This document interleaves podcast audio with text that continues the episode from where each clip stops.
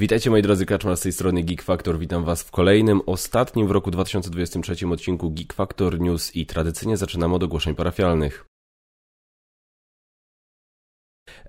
Jeśli chodzi o ogłoszenia parafialne, to yy, zaczniemy od odrobiny prywaty. Mianowicie y, zdążyliście się pewnie zorientować, że na kanale i w ogóle na socialach i w różnych innych miejscach y, dosyć dawno się nie udziela, od, dawna się nie udzielałem. Y, tak naprawdę pierwsza rzecz, którą zrobiłem w ramach Geek Factor to od ponad trzech tygodni to był dzisiejszy, ponieważ dzisiaj nagrywam, jest sobota 30 grudnia, dzisiejszy live, który zrobiłem z Leonem, jak ogrywamy czarujące kotki. Bardzo gorąco ten live polecam, bardzo mi się fajnie z moim synkiem grało. Um, oczywiście pojawiły się dwa filmy w tym całym okresie. To był e, recenzja do Obsesji i recenzja do. I jeszcze, nawet nie pamiętam, co to było, ale to były filmy, które były nagrane zawczasu. E, I tak naprawdę po prostu nic w ciągu ostatnich, mówię, 3,5 tygodnia nic nie robiłem. E, a wynika to po prostu z tego, że się rozchorowałem dosyć złapałem wyjątkowo paskudny przypadek COVID-a. E, nie mówiłem nic o tym, nie informowałem, bo doszedłem do wniosku, że e, to się raz na jakiś czas powtarza. No niestety moja odporność jest dosyć skopana i to jest coś, czym się na pewno zainteresuję w tym nadchodzącym roku. E, no ale po prostu stwierdziłem, że no raz na jakiś czas mi się coś przytrafia i ja wam mówię wtedy, że jest tam, wiecie, niestety coś się wydarzyło, muszę zrobić sobie przerwy, wy mnie wtedy zasypujecie bardzo pozytywnymi życzeniami powrotu do zdrowia i tak dalej, ale powiem szczerze, po prostu jakkolwiek zawsze jest to miłe i bardzo jestem wdzięczny za taką pozytywną energię, to nie ukrywam, że po prostu już się mi jest troszkę głupio czasami. Na zasadzie, dobra, no znowu będzie jakaś ten, e, znowu coś się dzieje, znowu będzie, że się tłumaczysz, znowu coś tam. Weź po prostu daj se na luz, weź se odpocznij, nie musisz się nikomu tłumaczyć, po prostu jak czujesz, że musisz odpocząć, to odpocz odpocznij, skup się na zdrowiu, e, po prostu i tyle. No niestety, no był to dosyć paskudny przypadek, bo nie dość, że miałem, to były dwa tygodnie zwolnienia lekarskiego z roboty, przy okazji mi infekcja padła na zatoki, a ja niestety mam taki tam problem z zatokami, że jak mam różne infekcje zatok, to często gęsto temu towarzyszą, towarzyszą ataki bardzo bardzo przykrego i takiego wręcz paraliżującego bólu, e, a w tym wypadku był to, były to najgorsze ataki, jakie miałem, odkąd one mi się w ogóle zaczęły pojawiać. E, jedyny lek, który pomaga mi na takie ataki, to jest lek zawierający, to jest Cirrus albo jakikolwiek inny lek tak naprawdę, który zawiera pseudoefedrynę a pseudoefedryna niestety działa dosyć pobudzająco. E, do tego sobie, że trzeba z nią uważać, bo może doprowadzić nawet do, jak za dużo się jej weźmie, można doprowadzić do kołatania, może mieć taki atak kołatania serca, z tego co słyszałem, różne akcje tam mogą być ale to jak działa na mnie na pewno to jest to, że po prostu pobudza i nie pozwala zasnąć, więc pierwszy tydzień choroby to w ogóle była, wiecie, non-stop gorączka, ataki bólu i tak mówię, jakiego bólu, plus właśnie nieprzespane noce. Dopiero drugi tydzień zacząłem się tak dochodzić do siebie, no i potem dopiero zacząłem jakoś tam funkcjonować. W międzyczasie sobie narobiłem zaległości w robocie, które musiałem nadrobić, bo niestety no e, tak, tak, tak, tak już jest po prostu, to nie jest taka praca, gdzie mogę sobie po prostu, a dobra, i znikam na dwa tygodnie i wracam jak gdyby nigdy nic. Więc dlatego po prostu Geek Factor musiał odejść, ale wracam, tak? Znaczy w sumie wracam i nie wracam. E, wracam na zasadzie takiej, że nagrywam ten odcinek, e, nagram bestsellery listopada, które się zostaną opublikowane za tydzień, e, nagram dwa filmy, które się pojawią w międzyczasie jeszcze i potem wrócę do takiego normalnego w połowie stycznia, bo teraz po prostu na początku stycznia wyjeżdżamy z Basią i wrócimy, jak wrócimy to akurat będzie idealnie moment, że ja się spotkam z Pandą, nagramy top 10 gier 2023 roku, więc to się pojawi żeby wam ta topka się pojawi w 14 stycznia. Myślę, że jest na to szansa. Myślę, że jest na to szansa, że ona się pojawi 14 stycznia. Um, więc y, i potem już po prostu będę lecieć dalej, nie? No ale na zasadzie tak naprawdę miałem teraz, mówię, 3,5 tygodnia, gdzie po prostu musiałem się na tym skupić. Więc stąd Stąd to milczenie, dlatego nawet, słuchajcie, nie było y, życzeń świątecznych, życzeń noworocznych, znaczy jeszcze, jeszcze nie miałem okazji życzeń noworocznych, y, y, że tak powiem, wam przekazać, bo mówię, no po prostu był, zrobiłem sobie całkowitą, całkowitą przerwę od wszystkiego związanego z Geek Factorem, po prostu skupiłem się e, tylko na takich sprawach typu, wiecie, rodzina, robota i tak dalej. No niestety tak czasami w życiu bywa, ale mówię, już najgorsze za mną, jestem już, no w sumie jestem już po prostu zdrowy i mówię, zaraz wyjeżdżam na wakacje z Basią, więc generalnie jestem, jestem cały szczęśliwy i cały pozytywnie nastawiony. Mam za sobą, uważam, całkiem niezły rok.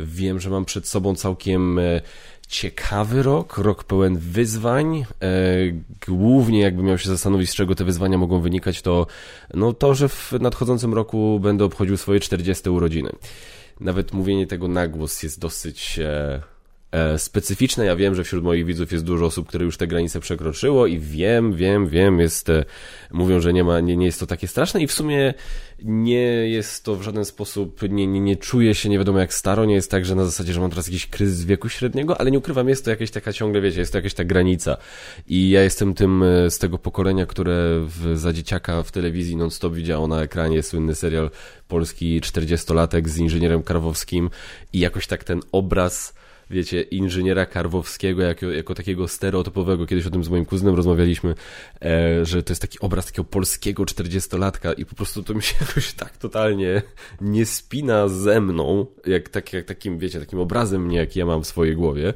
Pomimo tego, że wiecie, no mam, mam pracę, mam mieszkanie, mam żonę, mam trójkę dzieci, mam psa, no więc jakby no w sumie, no, no dzieci już mam, wiecie, w liceum i tak dalej, więc jakby no w sumie no tak wygląda, tak jakby jest normalnie, jest to ok, ale właśnie tak wiecie, to sobie ta, ta, ta, ta percepcja tego, jak, jak wyglądało życie kiedyś, jak wygląda teraz, jak, jak kiedyś wyglądali 40-latkowie, jak wyglądają teraz. E, no i właśnie jest to też związane z, e, tam pewnie będę miał jakieś, e, wiecie, jak co roku sobie robię taki spis, co mi się udało, co mi się nie udało, jak tak się zastanawiam, czego chcę robić więcej, jakieś tam obietnice sobie, że tak powiem, daję sam sobie, którymi się często z wami dzielę, z których się potem sam nie wywiązuję, jestem tylko na siebie zły. Dlatego chcę do tego roku podejść tak, że oczywiście mam parę przemyśleń, mam parę pomysłów, nie chcę sobie dawać żadnych konkretnych wytycznych, że będę robił to, to i to, tego i tego nie będę robił, bo to mówię, to jest bez sensu. No, a nawet jeżeli będę to robił, to, to nie chcę mówić tego wam, nie na zasadzie, że wam nie ufam, albo że was nie lubię, albo coś, tylko po prostu e, chcę, po, chcę do tego naprawdę podejść uczciwie. Ten rok mi pomógł zweryfikować bardzo dużo rzeczy. E, bardzo wyraźnie mi pokazał, jakiego rodzaju materiałów wy lubicie oglądać, a jakiego, jakiego rodzaju materiałów nie musicie oglądać. Więc no, mówię, no mam, mam, mam nad czym myśleć. Jest to, oczywiście nie, udało mi się niedawno przetestować y, domówkę, tfu, streamowanie z kancelarii i się okazało, że to działa całkiem dobrze, a co za tym idzie, być może domówki będę już kręcił z innej lokalizacji, co w sumie troszkę mi ułatwi tak naprawdę, wbrew pozorom, że nie muszę, nie będę ich nagrywał z domu. Ciągle to będą niedzielę wieczór, ale po prostu z różnych względów będę mógł sobie, y, będzie to wygodniejsze i dla mnie, i dla mojej rodzinki. E, z takich jeszcze innych rzeczy, wiecie, no sprawdzałem, co patrzyłem, co się tam najlepiej oglądało, no to oczywiście, słuchajcie, no topki, pogadanki, właśnie domówki, to są materiały, które ewidentnie, które ewidentnie wy lubicie najbardziej i oczywiście, no wideoinstrukcje do głośnych, złożonych tytułów. To jest coś, nad czym też zauważyłem wam zależy i myślę, że to jest taki kierunek właśnie, e, w którym będę szedł. Myślę, że będę ograniczał wideoinstrukcje do takich, wiecie, średnich. Nie mówię, że nie będę tłumaczył zasad średnich tytułów, średnich, nie wiem, e, unmatched, tak? Opowieści niesamowite. Myślę, że to jest coś, co, na, co absolutnie zro, będę mógł po prostu zrobić w jednym filmie, nie będę robił osobnych wideoinstrukcji, nawet jeżeli przez to ten film będzie długi, ale będzie czasówka i tak dalej. Natomiast duże, tak zwane, za przeproszeniem, grubasy, czyli, nie wiem, Assassin's Creed, Pff, y, co jeszcze? Mityczny wiatr, który swoją drogą chciałem zrobić przed końcem roku.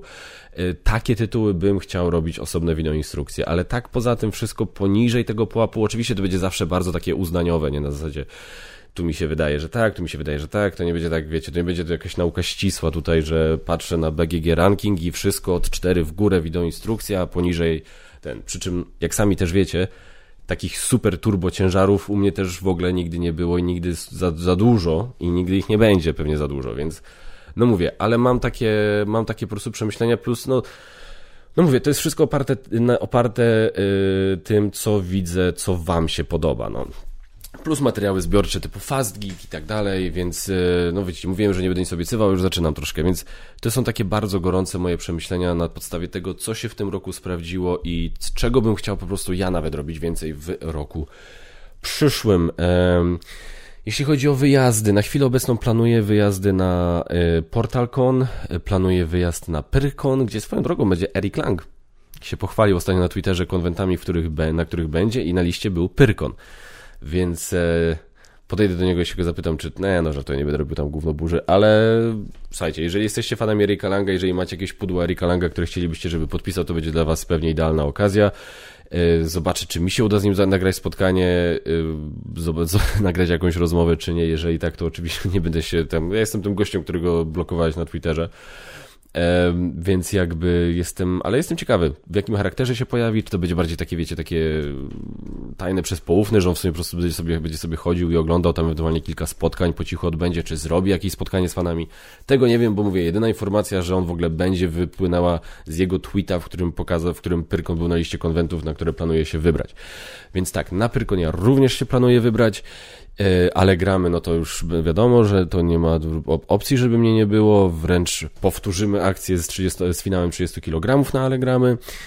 E, co jeszcze, myślę, jeśli chodzi o wyjazdy, Galacticon jest bardzo prawdopodobny, bo bardzo lubię tę imprezę, bardzo fajnie, bardzo było w zeszłym roku i bardzo bym chciał to powtórzyć w tym roku. E, plus myślałem w pierwszym kwartale zorganizować jakieś spotkanie z wami.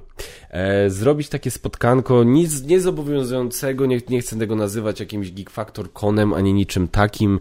E, prędzej myślę o, o tym, że pewnie w jakoś w granicy, pod koniec stycznia bym rzucił jakąś taką ankietę, czy jakiś taki, wiecie, taki wybadał ten, ile osób byłoby chętnych na spotkanie i bym to zrobił pewnie w Poznaniu. E, jak, jakby, kto byłby chętny, żeby po prostu wpaść i się spotkać i pograć i wiecie, takie kilkugodzinne spotkanie w jakąś sobotę w właśnie, nie wiem, na przykład lutym, przełom lutego i marca. E, więc jest coś takiego, co planuję zrobić. E, nawet komuś tam dzisiaj obiecałem, że do końca kwartału to zrobię, więc już w sumie nie mam wyjścia. Dajcie znać, już możecie dawać znać teraz, czy jest to coś, na co byście się chętnie wybrali i czy byśmy się mogli wtedy tam spotkać. Więc czy coś jeszcze chciałem powiedzieć z takich moich przemyśleń noworocznych, końcu tego, co się działo, co się będzie działo? Eee, mniej gównobóż?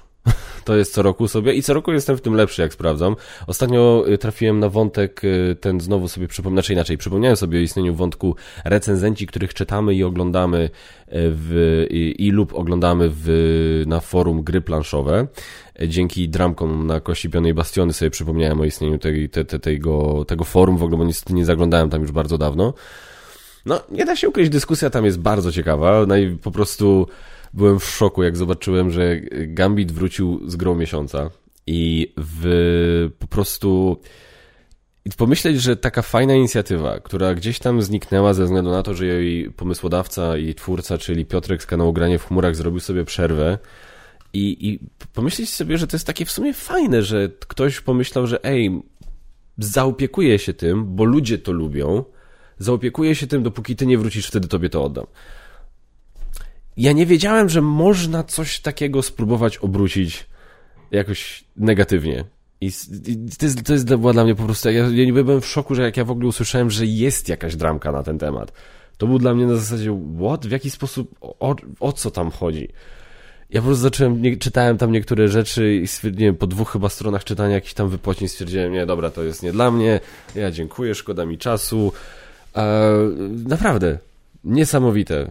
I, I powiem szczerze, i taki, taki robię w sumie gambit, robię, jeżeli to słuchasz, wątpię, ale jeżeli robię taki przekaz, chłopie, że tobie się chce, nie? Ja myślałem, że ja jestem kiepski, jeśli chodzi o nieodpuszczanie i angażowanie się w głupie dyskusje, do niczego nie prowadzące dyskusje z pieniaczami, którzy po prostu muszą wylać jakieś tam swoje frustracje wewnętrzne i swoje kompleksy jakoś tam zrekompensować, ale że tobie się Gambit chce tak udzielać z niektórymi tam, niektóre, nie, żeby nie było tak, nie mówię, że wszyscy, oczywiście, że nie, tak, niektórzy tam ludzie dawali jakieś takie, yy, i to nie, nie mówię nawet a propos tej gry miesiąca, tak, tylko ogólnie jakieś takie yy, krytyczne uwagi na taki temat, mówili, że kogoś tam nie lubią, ale nie na zasadzie nie lubię go, bo wygląda jak debil, tylko na zasadzie, no nie lubię go, bo coś tam, coś tam, no i były to bardzo pomimo, że okej, okay, nawet ja się może nie zgadzam z tym, na tym mówili to albo o mnie, albo o kimś innym, ja to czytam, mówię, no nie, kłóci się to bardzo z moim obrazem tej osoby, nawet jeżeli tą osobą byłem ja, ale przynajmniej rozumiem ten punkt widzenia na zasadzie, okej, okay, no to tak jest, no tak, tak czasami bywa i, i tyle, ja to szanuję. Więc jest tam i Gambit też w takich dyskusjach uczestniczył i te dyskusje były całkiem konstruktywne, więc mówię, to nie jest tak, że to tylko ten jad i tylko ten przysłowiowy rak, o którym często mówią tam jest, ale jest go sporo. Więc mówię po prostu, że, że ja życzę sobie i życzę Gambitowi takiego lepszego radaru na zasadzie, które z tych dyskusji, o, przepraszam, które z tych dyskusji będą właśnie takimi konstruktywnymi, ciekawymi dyskusjami, z których można wyciągnąć naprawdę fajne i ciekawe, e, inspirujące nawet czasami wnioski, a które dyskusje to po prostu będzie nic innego jak marnowanie czasu. Dobra, e, słuchajcie. E, co chciałem jeszcze powiedzieć? Czy coś przyszło do recenzji? No oczywiście, że przyszło coś do recenzji od momentu, jak ja to ostatnio wam pokazywałem, ale e, skupię, chcę wam pokazać ostatnie egzemplarze recenzenckie, które przyszły. Cała trójka przyszła tego samego dnia. Pierwszy, nawet nie wiem co to jest. nie no, to nie jest tak, że zupełnie nie wiem co to jest. To jest gra The Eternaut. Teraz e, The Eternaut to jest gra wydawnictwa Pendragon Studios. Pendragon Studios czy po prostu Pendragon, przepraszam. Pendragon Game Studio, o. E, to jest prototyp. E, będzie Kickstarter na przełomie stycznia i listopada. Stycznia i listopada, stycznia i lutego. I ja zostałem po prostu zostałem zatrudniony, żeby y, ogarnąć jakiś taki preview o tej grze, żebyście wy się mogli dowiedzieć, o co tutaj biega, mniej więcej z czym to się je i tak dalej, i tak dalej. W ramach ciekawostki powiem wam, jeszcze, jeszcze w to nie grałem niestety, nie, nie przetestowałem jeszcze sobie tego, to jest to samo wydawnictwo, które wydało oryginalnie na Kickstarterze grę The Thing, gra planszowa, w Polsce wydana przez Galaktę. Więc myślę, że jest, e, jak się, no ja dostałem jakąś namiarę do osoby z Pendragon, więc e, czy jest, czy to oznacza, że Galakta również to wyda po polsku, jeżeli to się ufunduje? No ja nic o ten, na ten temat nie wiem, ale wydaje mi się to dosyć prawdopodobne, więc e, Eternaut, jeżeli ktoś już coś więcej wie, mówię, no ja dosłownie to jest bardzo świeży temat i e, zupełnie niedawno to dostałem i nawet mówię, przez to wszystko, co się działo, nie miałem okazji sobie jeszcze tego przysiąść. Jeżeli ktoś już coś więcej wie i czeka na tę grę, dajcie znać w komentarzach, bardzo chętnie to poczytam. E, no i jedna paczka od Ogry Games z dwoma tytułami. O Jezuś! O! Proszę bardzo, mamy, ale pewnie przez to światło w ogóle tego Senjutsu nie widać. Senjutsu, bitwa o Japonię i e, Unmatched Adventures, opowieści niesamowite. Czyli Senjutsu, strategiczna, e, szybka naparzanka e, na dwóch, na, tak, na, na dwóch, nie tylko na dwóch, na samurajami i kooperacyjny wariant albo solo wariant do Unmatched. Unmatched solo już rozegrałem i jest bardzo dobrze. Jeśli chodzi o grę solo, jest... Ej, to się tak dobrze gra. I jak ja sobie pomyślę teraz, że ja mogę sobie wziąć którąś z, tak, z tych postaci, albo z Marvela, które tam mam. Bo... O Boże, jak ja w to będę często grał. Eee, każdy wieczór, gdzie będę, a sobie coś bym pyknął solo. Unmatched. Ja już mam, a przez to, że już mam tyle postaci do Unmatched, że ja w tej chwili mam nadzieję, że każdy kolejny dodatek to już będą, no dobra, Wiesiek, niech będzie Wiesiek, a potem, żeby już to tylko były czarne charaktery do opowieści niesamowite. Senjutsu jeszcze nie grałem, ale będę w to grał, mam nadzieję, Dzisiaj, dokładnie. Dzisiaj mam nadzieję, czyli w Sylwestra zagram sobie w to z kumplem. E, zrobimy, to jest podobno 20-minutowa naparzanka, no to to przetestujemy, zobaczymy. E, bardzo, bardzo jestem tego tytułu ciekawy. Materiały o tych grach się oczywiście pojawią i e, no, myślę, że gdzieś tam w styczniu, jak wrócę z wakacji, to właśnie się do tych tytułów zabiorę. Więc to jest to.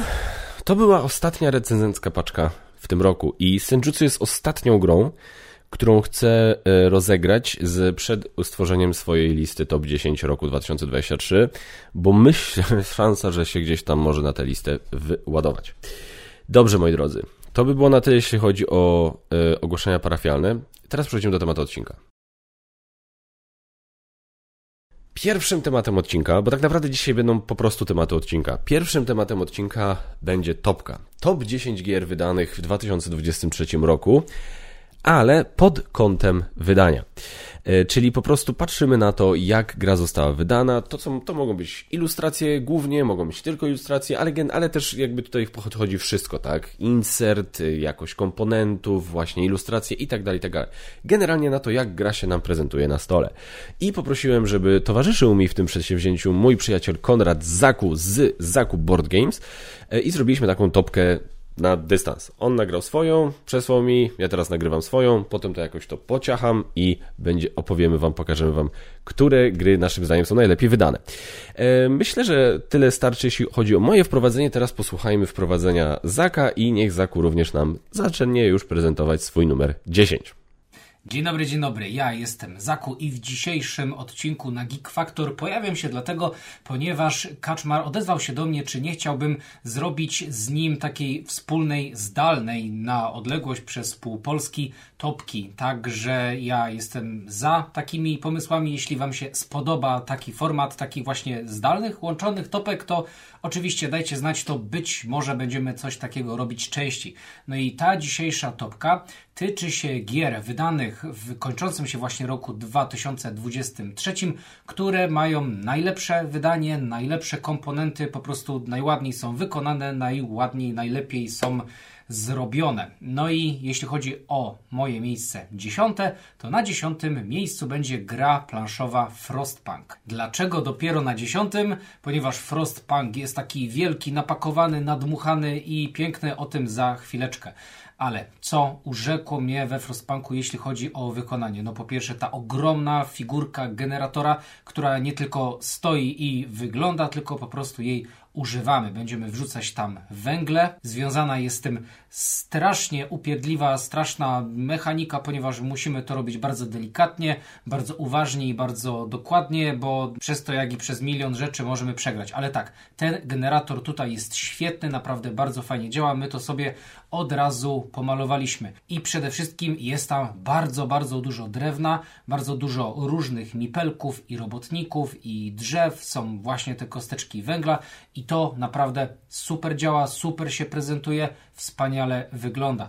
Od razu muszę tutaj powiedzieć, ponieważ ja będę jakby komentować te swoje pozycje na poziomie tej wersji, którą ja mam, a ja do Frostpunka mam wszystko, czyli mam dodatkowe budynki, mam dodatkowych robotników, surowce, no po prostu wszystko pełen pakiet. No i właśnie o ile te figurki robotników nie są jakieś super, no to plastikowe drzewka i przede wszystkim te budynki w 3D sprawiają, że jakość wykonania tej gry, te budynki wpływają na klimat i czujemy naprawdę, że rozbudowujemy całe to miasto i to jest właśnie w tym Frostpunku naprawdę super. Jaki jest natomiast ten minus, o którym mówiłem na samym początku, że dlaczego Frostpunk dopiero na dziesiątym miejscu, oprócz grafik, ponieważ same grafiki według mnie no, nie do końca mnie przekonują teraz po przemyśleniu, jak na to patrzę, bo na przykład jak wysyłam te dzieci do pracy, to nie czuję, że wysyłam dzieci, bo na tych ilustracjach dzieci nie wyglądają jak dzieci, ale mniejsza z tym co jest nie do przyjęcia odnośnie Frostpunka, a no oczywiście, że insert, także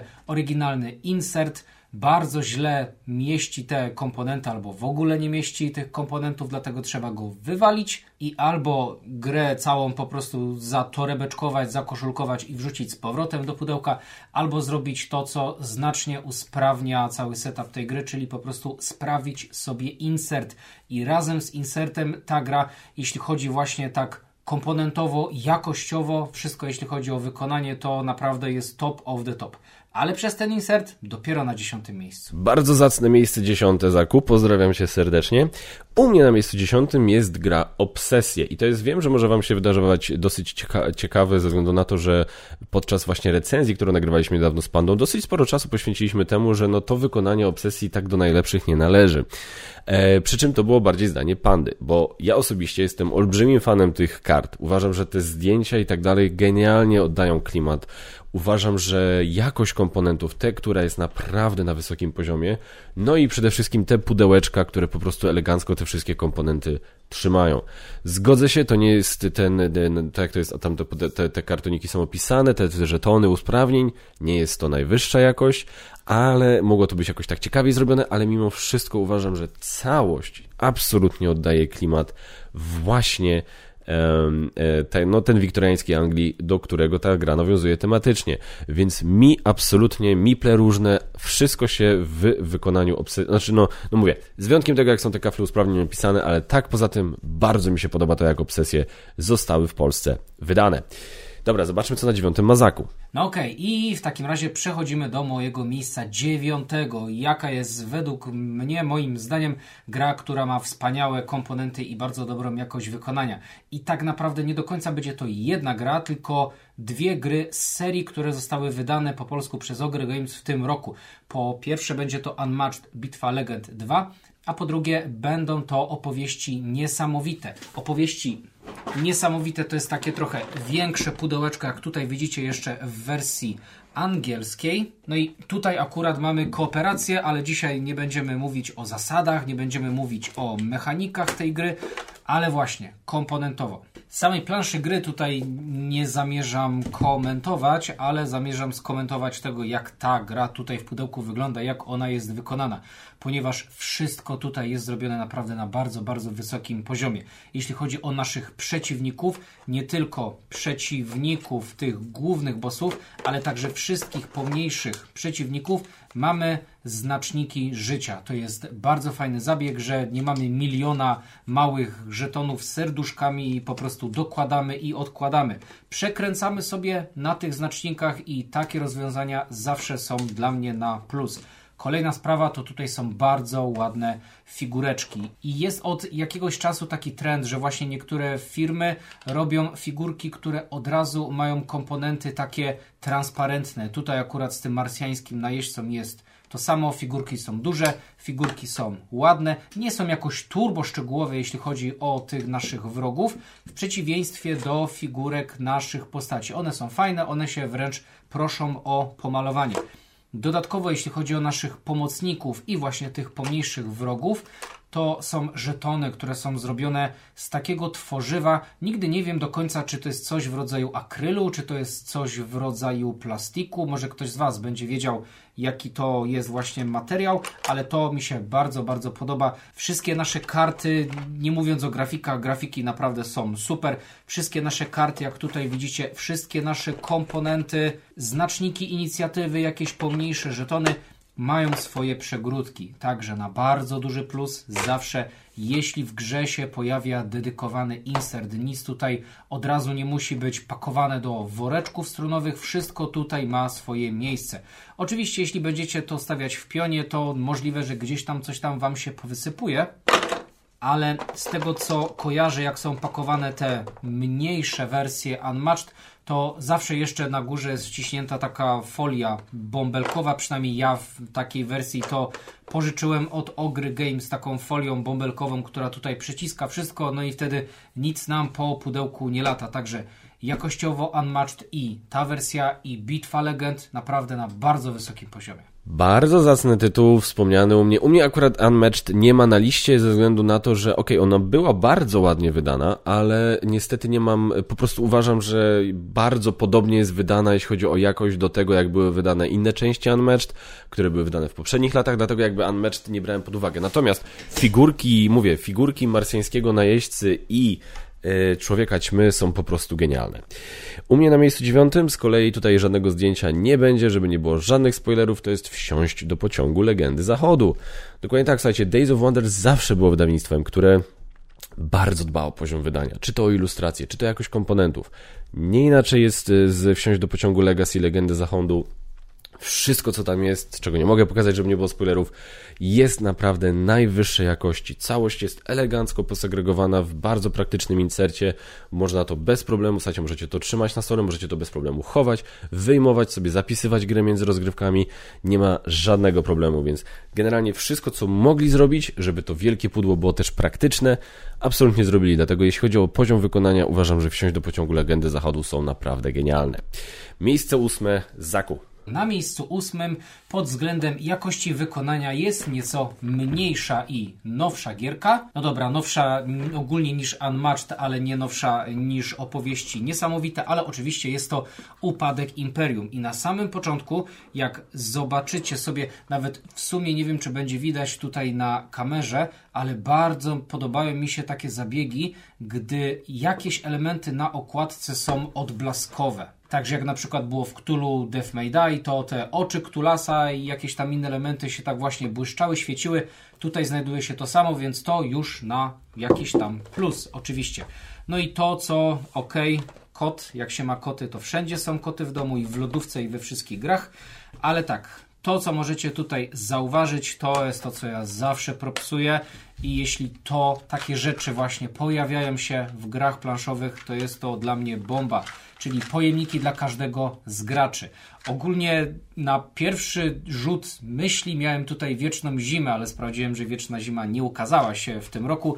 Tak jak wieczna zima robi to niesamowicie, to upadek Imperium też robi właśnie coś takiego, czyli każdy z graczy na początku rozgrywki dostaje swoje pudełeczko ze swoimi elementami i tak ogólnie, ponieważ to się jeszcze pojawi w innych grach, które dzisiaj tutaj omówię, te game trace'y.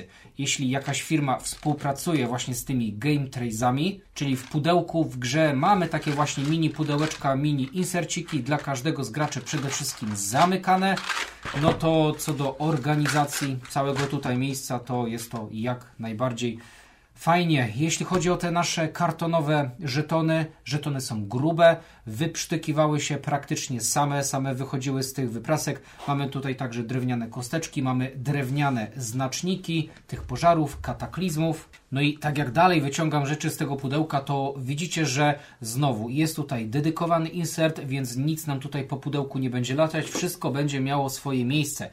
Ale właśnie jeśli chodzi o karty przeróżne, które tutaj są te mniejsze i duże, to są one płótnowane. Nie powiedziałbym, że są jakieś super cienkie. Być może tak mi się wydaje właśnie przez to płótnowanie, ale tutaj odnośnie kart, odnośnie mipelków, żetonów, Muszę przyznać, że jest to zrobione na wysokim poziomie, no ale zdecydowanie za te pojedyncze pudełeczka dla każdego z graczy, no właśnie upadek Imperium jest na takim miejscu, a nie na innym. Upadek Imperium szanuję. E, u mnie na liście nie ma. E, jest ok wydana, ale powiem szczerze, nie jakoś tam mnie super nie zachwyciło. Jest bardzo ładnie wydana, nie powiem, że nie, ale byłoby gdzieś tam u mnie tuż poza miejscem dziesiątym. U mnie na, e, gdzieś tuż poza miejscem dziesiątym. U mnie na miejscu ósmym, słuchajcie, z kolei jest gra Katedra Koszmarów. E, Katedra Koszmarów wydana w Polsce przez Czacha Games. E, sama gra mi się za bardzo nie spodobała, nie jestem jej fanem.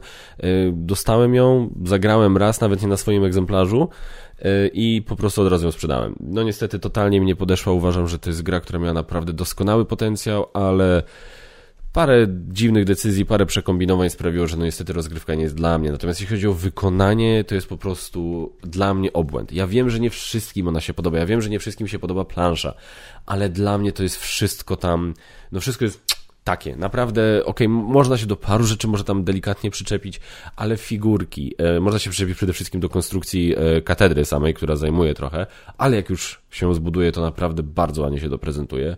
E, figurki, e, ilustracje, no do mnie to po prostu przemawia. Jestem bardzo dużym fanem e, twórczości Beksińskiego, co prawda nie na tyle, żeby go gdzieś w domu powiesić, bo nie chcę mieć koszmarów, ale generalnie naprawdę jeśli chodzi o to, o ten jego styl, o to, co, jaki to wgląd w jego umysł nam dało, no to jest po prostu coś niesamowitego i bardzo się cieszę, że doczekaliśmy się gry z wykorzystaniem jego ilustracji, ale myślę, że to trzeba było jednak zrobić trochę lepiej. Mam nadzieję, że jeszcze kiedyś jakieś gry z ilustracjami pana Beksińskiego doczekamy. Przechodzimy do miejsca siódmego. No i teraz będzie kolejna gra, czyli teraz będzie miejsce siódme. Co jest na siódmym miejscu pod względem jakości wykonania? Mianowicie będzie to Dice Throne, którego premiera była w tym roku, a tak naprawdę była praktycznie całkiem niedawno. Oczywiście ja tutaj mam wersję, która wyszła w tym roku, czyli Krampus versus Mikołaj. I jak już możecie tutaj patrzeć, co jest w środku. W ogóle plus, że samo pudełko tutaj jest płótnowane. Także znowu bardzo fajna rzecz, jeśli chodzi o samo pudełko. Karton na pudełku naprawdę jest mega gruby, mega sztywny, więc to nie jest takie liche pudełeczko. Nie powiedziałbym, że można tym zabić, ale naprawdę jest to bardzo fajnie wykonane. No i znowu to, co zachwalałem ostatnio, czyli dedykowane taski dla każdego gracza i tak naprawdę poza tymi tackami i krótką instrukcją to tutaj nie ma nic więcej.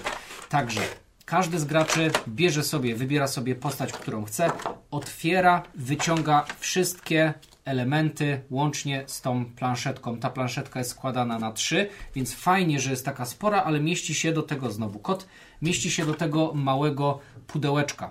Pomijając oczywiście grafiki, które tutaj są też absolutnie świetne, to naprawdę planszetka jest mega gruba, mega sztywna, jakość wykonania super to, co też zachwalałem przy Unmatched, czyli tutaj mamy znaczniki. Tym razem będą to takie znaczniki siły, a nie życia, ale także znaczniki życia będą także, czyli podwójne znaczniki dla każdego z graczy. Mamy tutaj figurkę do tej takiej wersji kooperacyjnej dungeon crawlerowej, tego tutaj nie będziemy używać.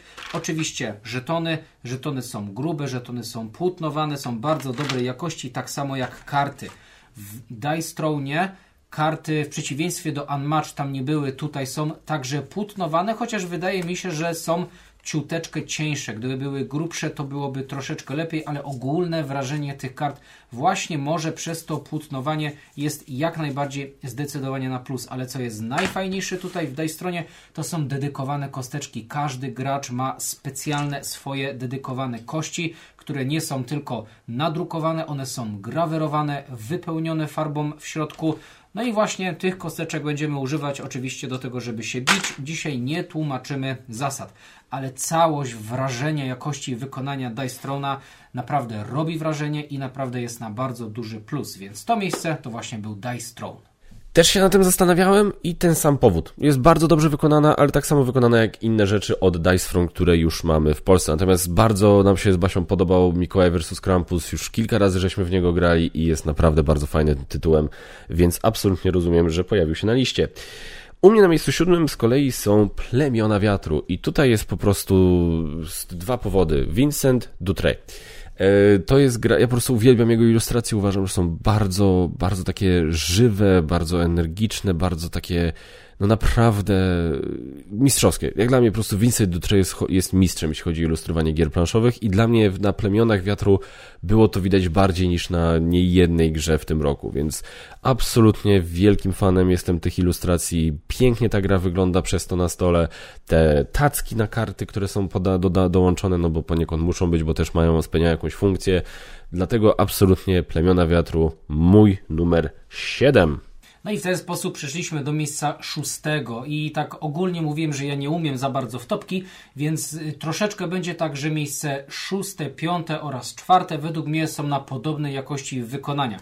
Także nie ma bardzo dużego przeskoku między szóstką a czwórką. Weźcie to pod uwagę. Jeśli chodzi o miejsce szóste, będzie to nowa gra od Stonemeyer Games, czyli oczywiście Apiery, gra o kosmicznych pszczółkach. I przeskakujemy znowu na widok z góry. Znowu pudełko jest naprawdę fajnie wykonane, nie jest jakoś super cienkie, jest bardzo lekko, bardzo leciutko płótnowane. No i właśnie, co przede wszystkim bardzo mi się podoba, jeśli chodzi o nasze planszetki graczy, ale także jeśli chodzi o naszą instrukcję, ponieważ instrukcje ostatnio od Stonemajera właśnie mają podobną jakość wykonania. No właśnie, jeśli chodzi o te instrukcje i o planszetki, nie wiem z czego one są zrobione, ale nie jest to taki zwykły papier. Ja tutaj czuję, dobra, wiem, że musiałbym zrobić crash test, ale po tym jak to jest zrobione, to wydaje mi się, że jakbym potraktował taką planszetkę czy instrukcję kubkiem zimnej wody czy jakiegoś napoju, no to po prostu spłynęło to by po tym, bo jest to takie właśnie śliskie, takie wrażenie jakby winylowego trochę.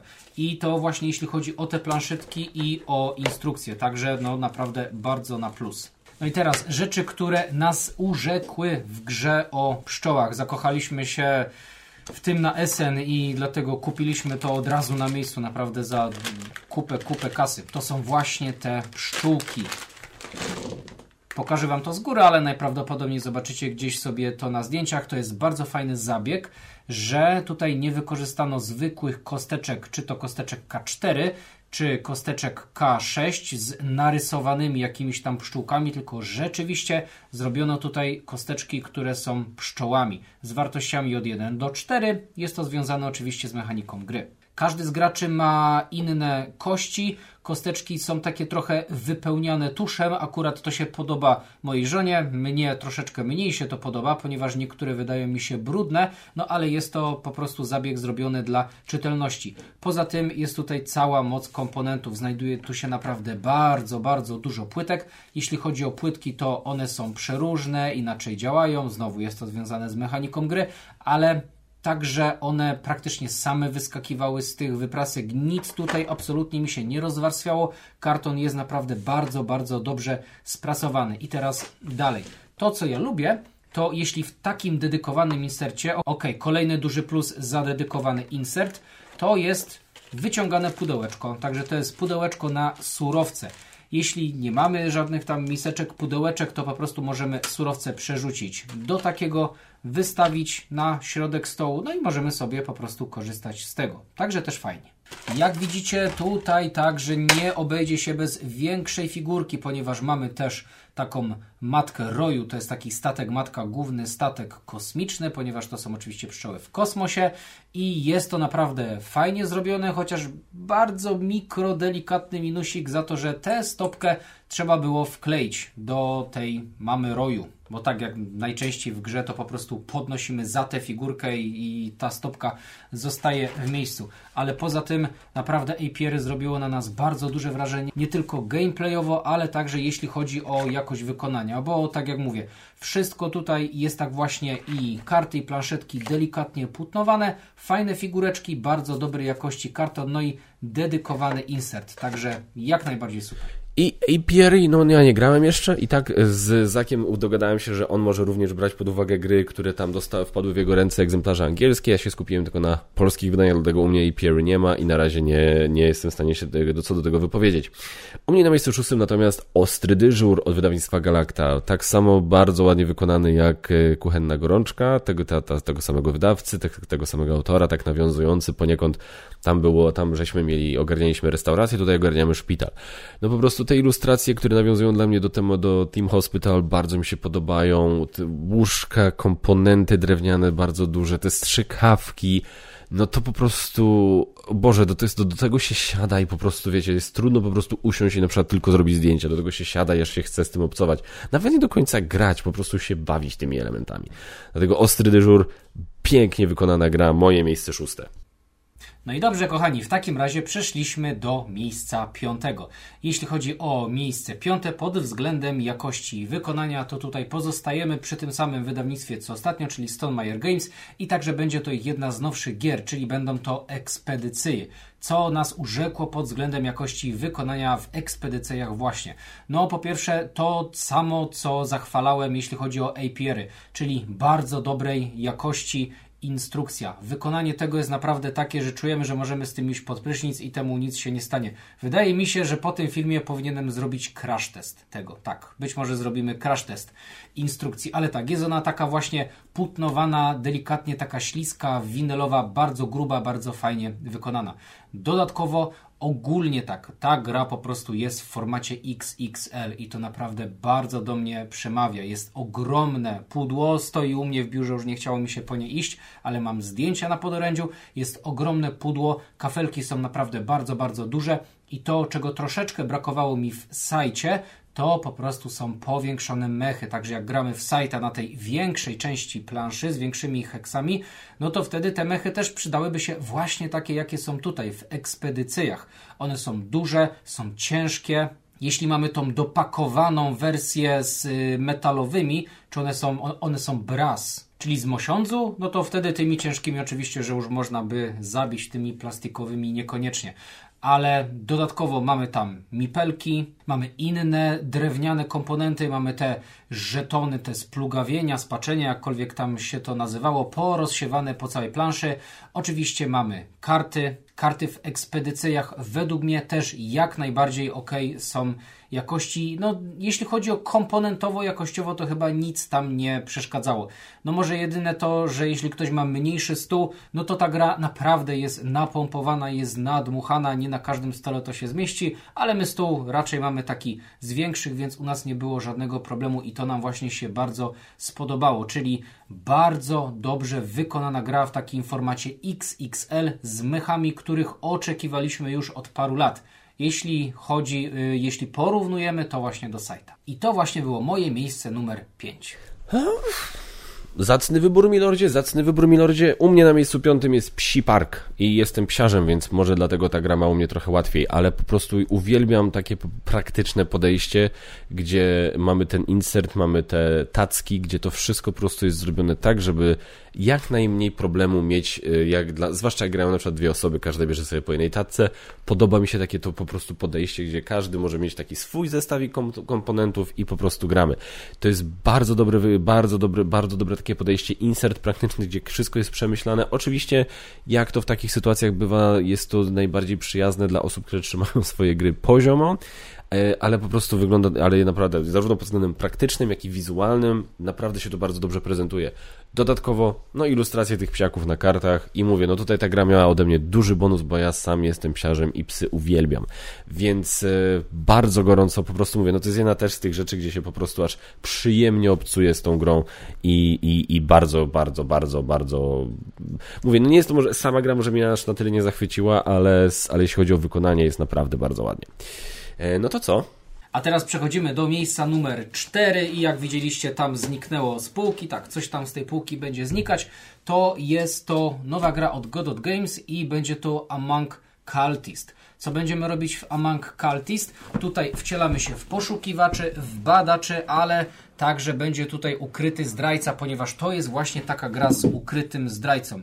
I tutaj dlaczego wybrałem tę grę pod względem wykonania, pod względem jakościowym? No dobra, może nie przekonuje mnie to, że mamy tutaj milion instrukcji w różnych językach. Wydaje mi się, że można byłoby zrobić PDF-a, byłoby tutaj troszeczkę lepiej, ale mamy tutaj modularną planszę. Ja uważam, że modularna plansza może być ciuteczkę lepszym rozwiązaniem niż taka składana, ponieważ zawsze za każdym razem składam to w złą stronę i to mi się odgina, niszczy, rwie i tak dalej. To nam się nie rozjeżdżało, ona jest bardzo dobrze zrobiona, jest gruba, jest sztywna, ma płócienne wykończenie, czyli plansza tutaj jak najbardziej na plus.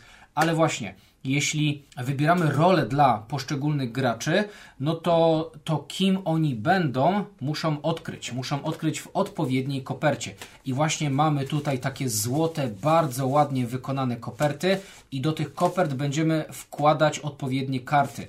Tutaj znajduje się też taki błyszczący, świecący czerwony symbol. Jest to naprawdę super wykonane. Takie coś powinno być częściej w grach.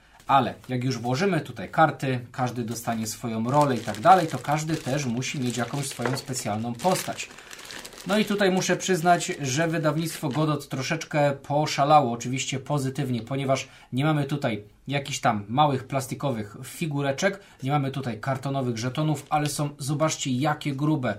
Tym to naprawdę to jest jak krążek do hokeja, taki trochę mniejszy to będą nasze postaci. Będzie się to rzucać na planszy, będziemy mieli takie dwustronne te nasze żetony. One są drewniane, one są ciężkie i ja uważam, że to jest naprawdę bardzo fajny zabieg, jeśli nie mamy super dużych, ładnych figurek w grze. Takie coś jest milion razy lepsze od standisów, także właśnie za te drewniane żetony bardzo duży plus. Co tutaj mi się jeszcze spodobało? Oczywiście mamy tutaj całą masę kart, które także są, nie są cienkie i są płótnowane, czyli oczywiście super jak są płótnowane. Jeśli chodzi o różne kafelki, są one sztywne, ale patrzę tutaj jeszcze za jedną rzeczą. Mamy woreczek. Woreczek jest tutaj naszywany z takim samym symbolem jak na kopertach. Automatycznie naszywany woreczek. Fajnie, taki dodatkowy bajer, ale właśnie szukam tutaj tej rzeczy, ponieważ będziemy się zdradzać, a jak będziemy się zdradzać, to potrzebujemy narzędzia zbrodni, ponieważ to jest właśnie taka gra, w której wbijamy sobie kosę pod żebra. No i znacznik pierwszego gracza to jest właśnie taki nóż. No powiedzcie, że to nie jest fajne rozwiązanie. To jest jedno z najlepszych rozwiązań na znacznik pierwszego gracza, ale jeszcze lepsze jest przed nami. No i tak jak mówiłem, odnośnie tych naszych ról, naszych postaci też nie są to cienkie, cienkie karty, tylko to są właśnie takie grube, porządne planszetki. Także ogólnie tak biorąc pod uwagę jakość wykonania, nawet tutaj widzicie cały ten znacznik grunt, który jest w grze, to też jest taki zegar ze wskazówką, naprawdę super. Cała jakość wykonania tutaj na bardzo, bardzo duży plus. Mam nadzieję w to kiedyś zagrać. Jestem bardzo ciekawy. Różne opinie słyszałem o tej grze, więc jestem bardzo ciekawy. U mnie na miejscu czwartym Wiedźmin Stary Świat. Tak jest, no nie mogło być inaczej. I to mówię nawet tylko o podstawce.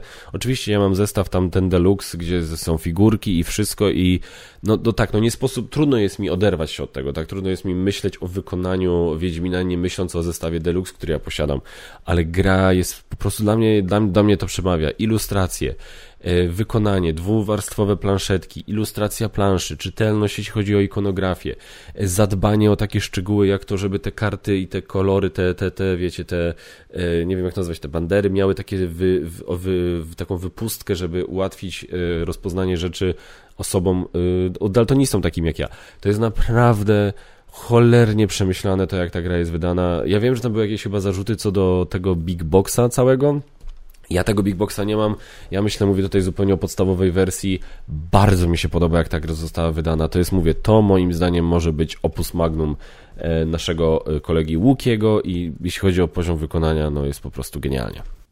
No i teraz, moi mili, przechodzimy to top 3. Nie będę tego wyciągał spod stołu, ponieważ mam tutaj Scarface'a 1920 w takiej grubej wersji Deluxe. Tak, akurat ja mam Deluxa, więc coś takiego będę omawiać, jeśli chodzi o jakość wykonania.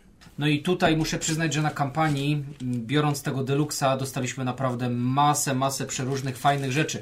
Począwszy od tego, że wszystkie, o, coś tu się jeszcze schowało, stówy, począwszy od tego, że wszystkie pieniądze w grze są tak samo takimi znacznikami trochę plastikowymi, trochę akrylowymi. Super w ogóle jest patent, że one są matowe, ale ta tasiemka, która normalnie, wiecie, wiąże pliki pieniędzy, tutaj jest błyszcząca. Także niby pierdoła, niby szczegół, ale naprawdę super sprawa. I teraz, pudełko niestety przyszło mi trochę pokiereszowane, ale tak, jak podnosimy pudełko, to naszym oczom ukazuje się spód planszy. I tutaj to płótnowanie na planszy jest Naprawdę to nie jest takie zwykła, zwykła faktura płótnowania. Tutaj naprawdę mam takie wrażenie, jakby ktoś do tego przykleił lniane płótno. Jest to naprawdę szorstkie, jest to grube, jest to świetnie, świetnie wykonane. Jeśli chodzi o samą planszę, to są dopiero cztery kawałki z e, sześciu, więc nie będę jej tutaj całej rozkładać, ale plansza jest naprawdę duża, jest czytelna. Tak samo jak ekspedycja będzie zajmowała masę miejsca na stole, jest płótnowana, jest sztywna. To jest taki bardzo przyjemny, bym powiedział, to w dotyku karton, więc plansza jak najbardziej na plus. No i tak naprawdę patrzymy sobie do pudełka dalej i to jest kolejna rzecz, którą ja tutaj zawsze propsuję i zawsze chwalę, czyli to, co już mówiłem wcześniej, pojemniki. Tutaj będziemy mieli pojemniki na surowce, czyli na nasze pieniądze, znowu na pieniądze. Oczywiście to są zamienniki tego, tego tutaj jest naprawdę bardzo, bardzo dużo, ale także tutaj mamy pojemnik na beczki, mogę Wam to pokazać na beczki oraz na spluwy, także super, że to nie są takie zwykłe żetony. Przypominam, że to jest wersja deluxe. To są właśnie takie beczułki, czyli oczywiście alkohol, będą spluwy i tutaj jest oczywiście znacznik rodzinnego pierścienia. Generalnie no, nie jest to znacznik pierwszego gracza, ale ten z graczy, który posiada właśnie taki rodzinny pierścień, ale zaraz sobie zobaczycie tą wersję kickstarterową, to dostaje jakieś bonusy, dostaje kasę na początku tury i tak dalej. Także wszystko tutaj się znajduje w tej planszetce. No i to, co było już wcześniej, czyli każdy z graczy dostaje swoją własną planszetkę, swoją własną tackę, tak naprawdę z figurkami. Tutaj mamy członków naszego gangu, członków naszej rodziny, mamy firmy, budynki, które będziemy stawiać, mamy kosteczki akcji, mamy także dwa rodzaje samochodów do transportu. Figurki są naprawdę bajerancko zrobione na bardzo wysokim poziomie.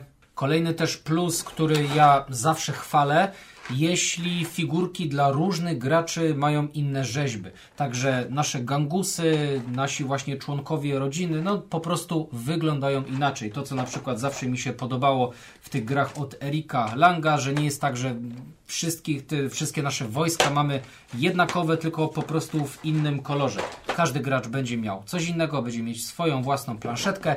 Jak tu dalej będziemy się przekopywać przez to, to dojdziemy też do Oczywiście insertu do dedykowanego insertu na wszystkie nasze karty, wszystkie nasze kafelki. Jeśli chodzi o kafelki, o karty, to także one są zrobione na wysokim poziomie, one są płótnowane, są naprawdę bardzo dobrej jakości i kolejna rzecz, którą zawsze bardzo chwalę, jak mamy planszetkę tego naszego właśnie członka rodziny, tak naprawdę tej naszej rodziny, to ta planszetka jest podwójna, czyli to, co w obecnych czasach w sumie chyba w grach planszowych powinno być standardem.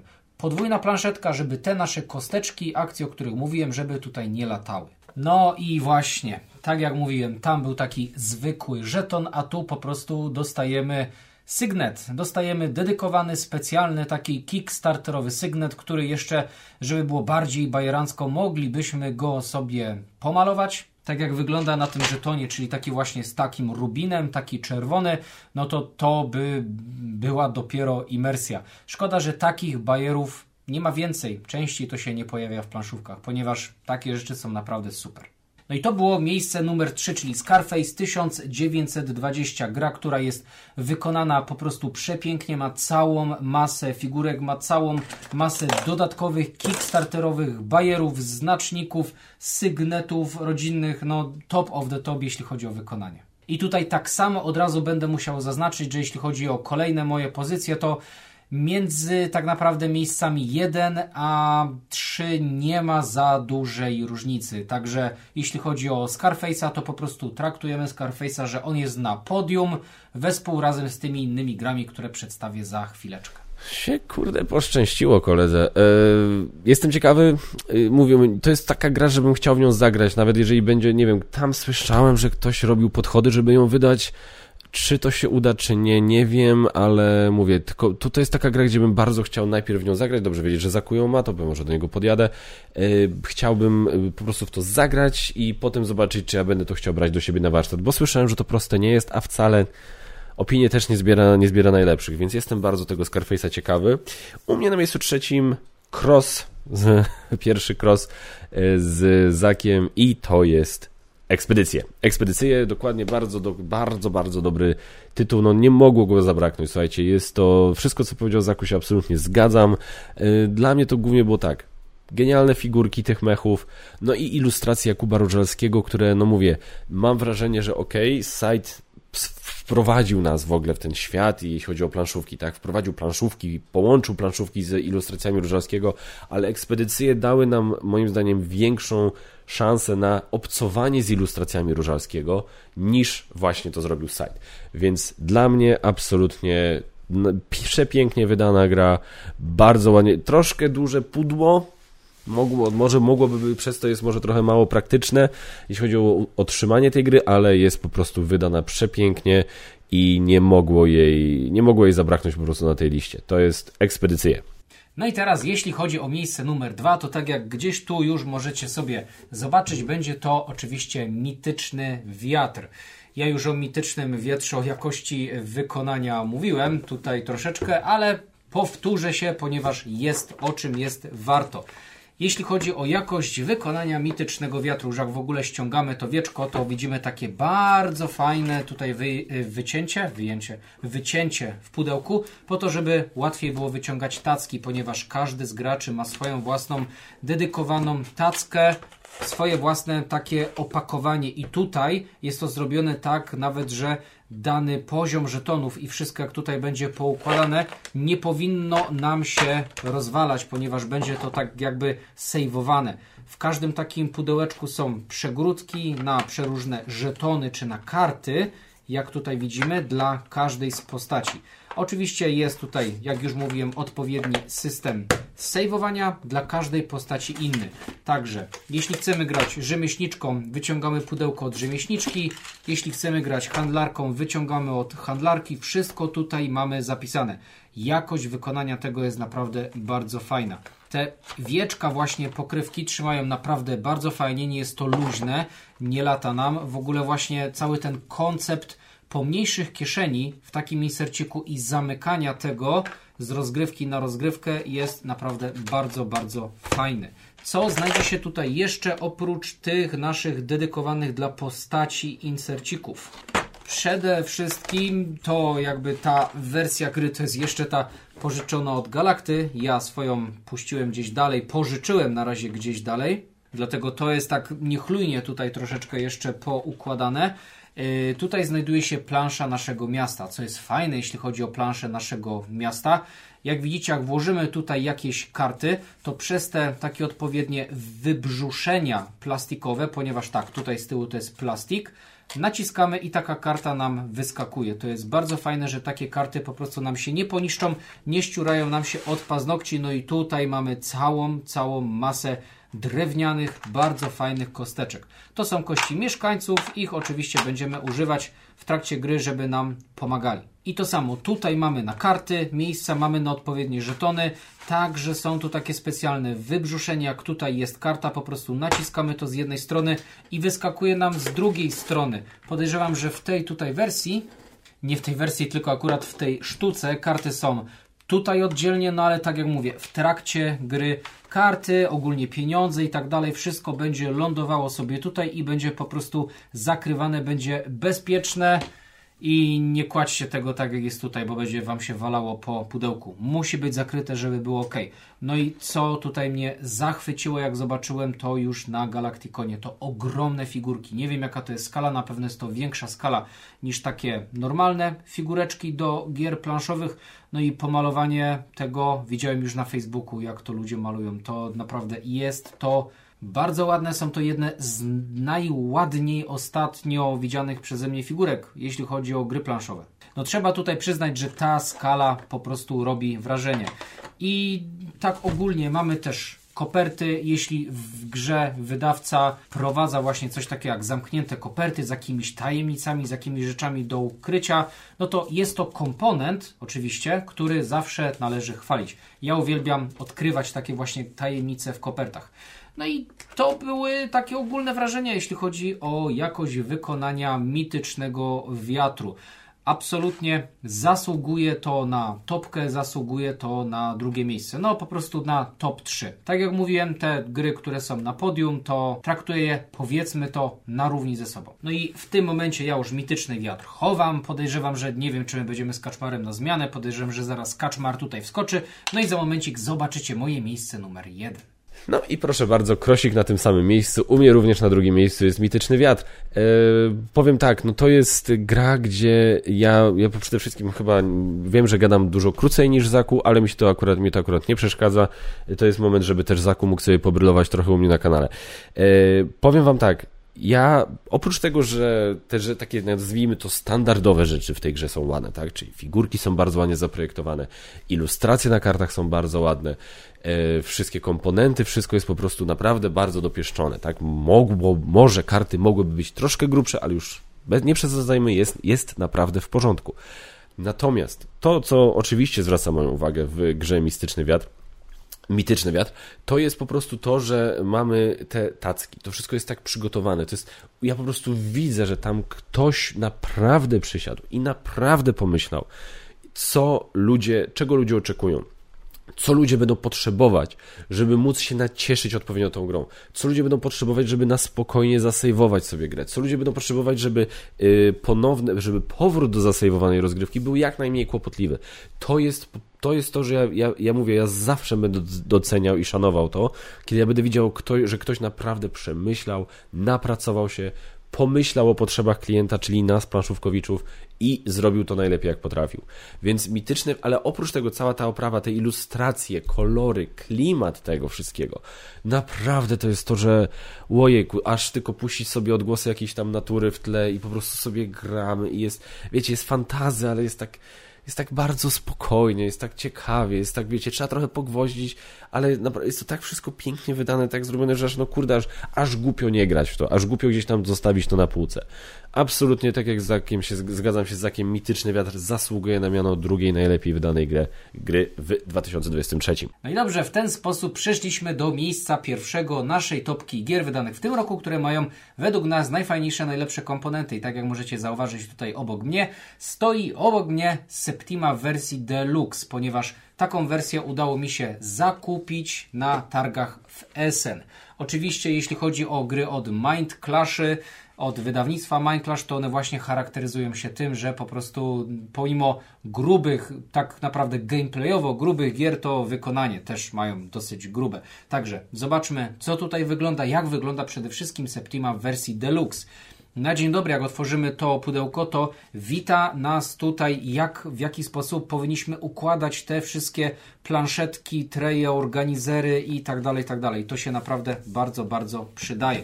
No i tak jak właśnie mamy Septimę, no okej, okay, rulebook, książka nie jest takiej jakości jak od Stonemajera, ale to nic nie szkodzi, ponieważ od razu naszym oczom ukazują się znowu pudełeczka z Game Trace'ów. Nie wiem, czy tamte dokładnie były od Game Trace'ów, ale tutaj mamy już wybite. Mamy, że to są właśnie dedykowane pudełeczka od Game Trace'ów, ponieważ to jest właśnie taka firma, która specjalizuje się w tym, że robi jakiegoś dużego, fajnego Kickstartera i pisze do Game Trace'ów zróbcie mi pojemniki, żeby pasowały mi do pudełka.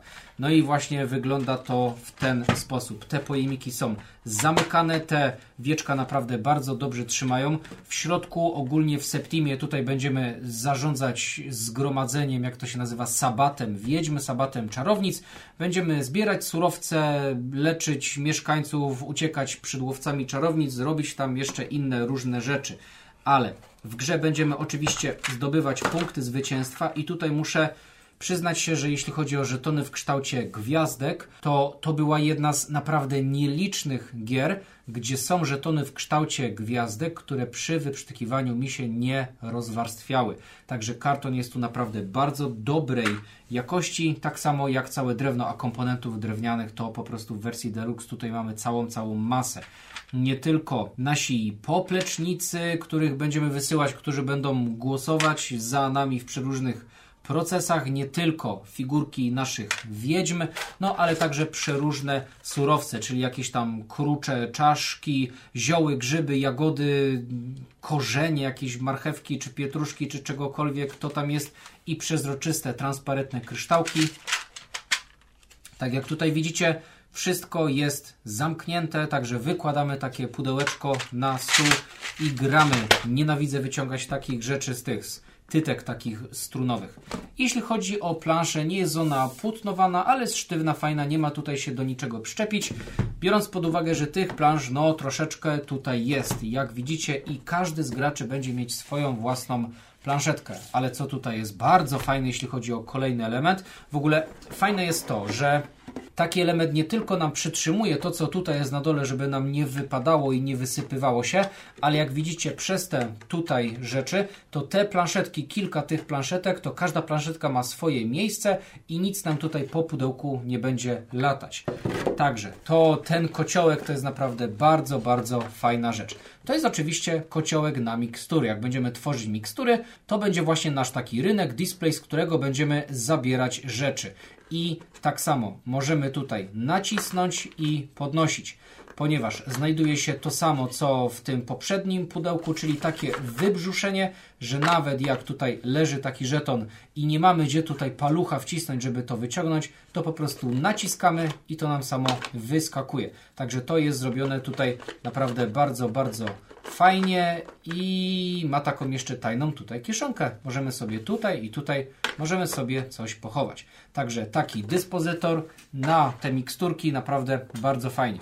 Y, fajnie też, że mamy notesiki na punkty. Możemy sobie tutaj zaznaczać, nie musimy wszystkiego liczyć w telefonie. Mamy tutaj ściągawkę jeszcze nierozdziewiczone. Oczywiście mamy ściągawki dla graczy. No i mamy swoje wszystkie karty. Mamy tak naprawdę swoje wiedźmy. Nasze wiedźmy są na takich kafelkach. Te kafelki są grube, te kafelki są sztywne. Oczywiście są płótnowane, tak jak karty tak jak tutaj mamy właśnie takie duże, fajne, ok, one nie są jakieś, powiedziałbym, super, super grube, ale przez to właśnie, że są płótnowane, to nie wydaje mi się, żeby miało to wrażenie jakby kart o jakiejś tam niskiej jakości. Tu są oczywiście akcje, które będziemy wykonywać naszymi wiedźmami podczas tury. Także mówię, bardzo fajnej jakości wykonane karty. Jak tutaj widzicie, absolutnie wszystko ma swoje własne, dedykowane miejsce. No i za te game trace'y, za ten kociołek, za masę, masę przeróżnych drewnianych znaczników. Ja uważam, że jakość wykonania Septim oczywiście w Deluxe absolutnie zasługuje na podium i także zasługuje na pierwsze miejsce. Także jeśli chodzi o pierwsze miejsce, była to właśnie Septima w wersji Deluxe od wydawnictwa Mind Clash. I to by był koniec tej topki, także ja Jeszcze raz bardzo dziękuję, że mogłem tutaj wziąć udział i jeśli podobają Wam się takie kolaboracje trochę na odległość, to dajcie znać. I tak jak mówiłem, być może zrobimy to jeszcze raz. Będziemy robić to częściej. A tymczasem ja się z Wami żegnam i oddaję głos do studia. Dzięki. W Septimę będę chciał zagrać. Za dużo się już nasłuchałem. Głównie od Zaka, ale będę chciał w nią zagrać. U mnie na miejscu pierwszym Cross. No, u mnie Frostpunk zasłużył na pierwsze miejsce. E, mi się ilustracje podobają. E, nawet te ilustracje dzieci, o których wspominał Zaku. Ja powiem wam, że nawet patrząc na wersję standardową, e, w sensie nie potrzebuję figurek budynków. Fajne są te drewniane takie znaczniki, które się przesuwa na torach. To jest konieczny dla mnie upgrade, ale tak poza tym... Baz bazując tylko i wyłącznie na komponentach podstawowych, ta gra absolutnie zasługuje dla mnie na miano najlepiej wydanej gry w 2023 roku. E, oczywiście zacznijmy od oczywistych rzeczy, czyli drewienka są piękne, e, ilustracje na kartach są bardzo klimatyczne, bardzo mi się podobają, same tory jak są zbudowane są bardzo ładne, e, to jak są te karty tak zaprojektowane, w sensie jak wiecie, tekst, czcionka, wszystko jak ten układ tekstu na kartach, wszystko jest po prostu tak widać, że dopieszczone. No i oczywiście ten generator. Generator robi niesamowitą robotę, do tego stopnia, że absolutnie nie wyobrażam sobie grać z generatorem gdzieś tam leżącym, stającym z boku. Nie ma takiej opcji to musi być no, na środku stołu, bo to robi robotę, to ma jakąś funkcję, to nie jest tylko tak coś, jakiś tam, wiecie, gadżet, żeby to ładnie wyglądało. Nie, nie, nie. Wszyscy wiemy, co, po co to tam jest i ja, ja to uwielbiam. Więc Frostpunk jest moim zdaniem najlepiej wydaną grą w 2023 roku. Tyle na razie, słuchajcie, Zaku, bardzo Ci dziękuję, że wziąłeś udział y, w naszym tym, w tym takiej małej topce, tak jak Zaku powiedział. Jeżeli jesteście chętni na więcej takich dziwnych kolaboracji, dajcie znać w komentarzach, coś sobie z Zakiem raz na jakiś czas może wymyślimy. E, a póki co, e, przejdźmy do kolejnego tematu odcinka, który jest takim geekowym podsumowaniem 2023 roku. Dokładnie tak, moi drodzy. Tutaj chcę Wam poopowiadać o takich rzeczach związanych ze światem geeków. Mianowicie chcę, powie chcę powiedzieć o najgłośniejszych newsach filmowych, które moim zdaniem były w zeszłym roku, czyli e, co się najciekawszego zadziało w tym świadku moim zdaniem. E, I potem powiem Wam moje top 5 seriali, które obejrzałem w 2023 roku. E, top filmów 2023 roku to jest coś, co pewnie z Magotem zrobimy gdzieś bliżej drugiej połowy marca, tak jak to zawsze bywa, bo no chcemy obejrzeć jeszcze, zawsze robimy tak, że patrzymy po roku wydania w kraju, z którego film pochodzi, no i często te filmy do nas docierają z opóźnieniem, więc e, trochę może zająć obejrzenie wszystkich filmów, które chcemy obejrzeć przed skomponowaniem takiej listy. Aczkolwiek ostatnio dzięki streamingowi zauważyłem, że jest z tym coraz lepiej i już tyle nie trzeba na to czekać. Więc teraz, tak jak widzicie, chcę omówić e, głośne wydarzenia tego roku, no i oczywiście pierwszym, jak już widzicie, punktem jest Barbenheimer. Słuchajcie, nie chcę tutaj się za dużo rozwodzić na ten temat. Zrobiliśmy z Magotem, nagraliśmy trzygodzinny porawie podcast, gdzie rozmawialiśmy o Barbenheimerze czyli o tym niesamowitym zjawisku y, tego roku, mianowicie dwa filmy o skrajnie różnej tematyce, e, do, skierowane do skrajnie różnej widowni, można by pomyśleć tak z pozoru. E, żaden nie chciał ustąpić, jeśli chodzi o premierę. Były dyskusje i Margot Robbie powiedziała: Sorry, ja się nie zgodzę, nie przesunę e, swojej premiery, żeby Oppenheimer miał weekend dla siebie.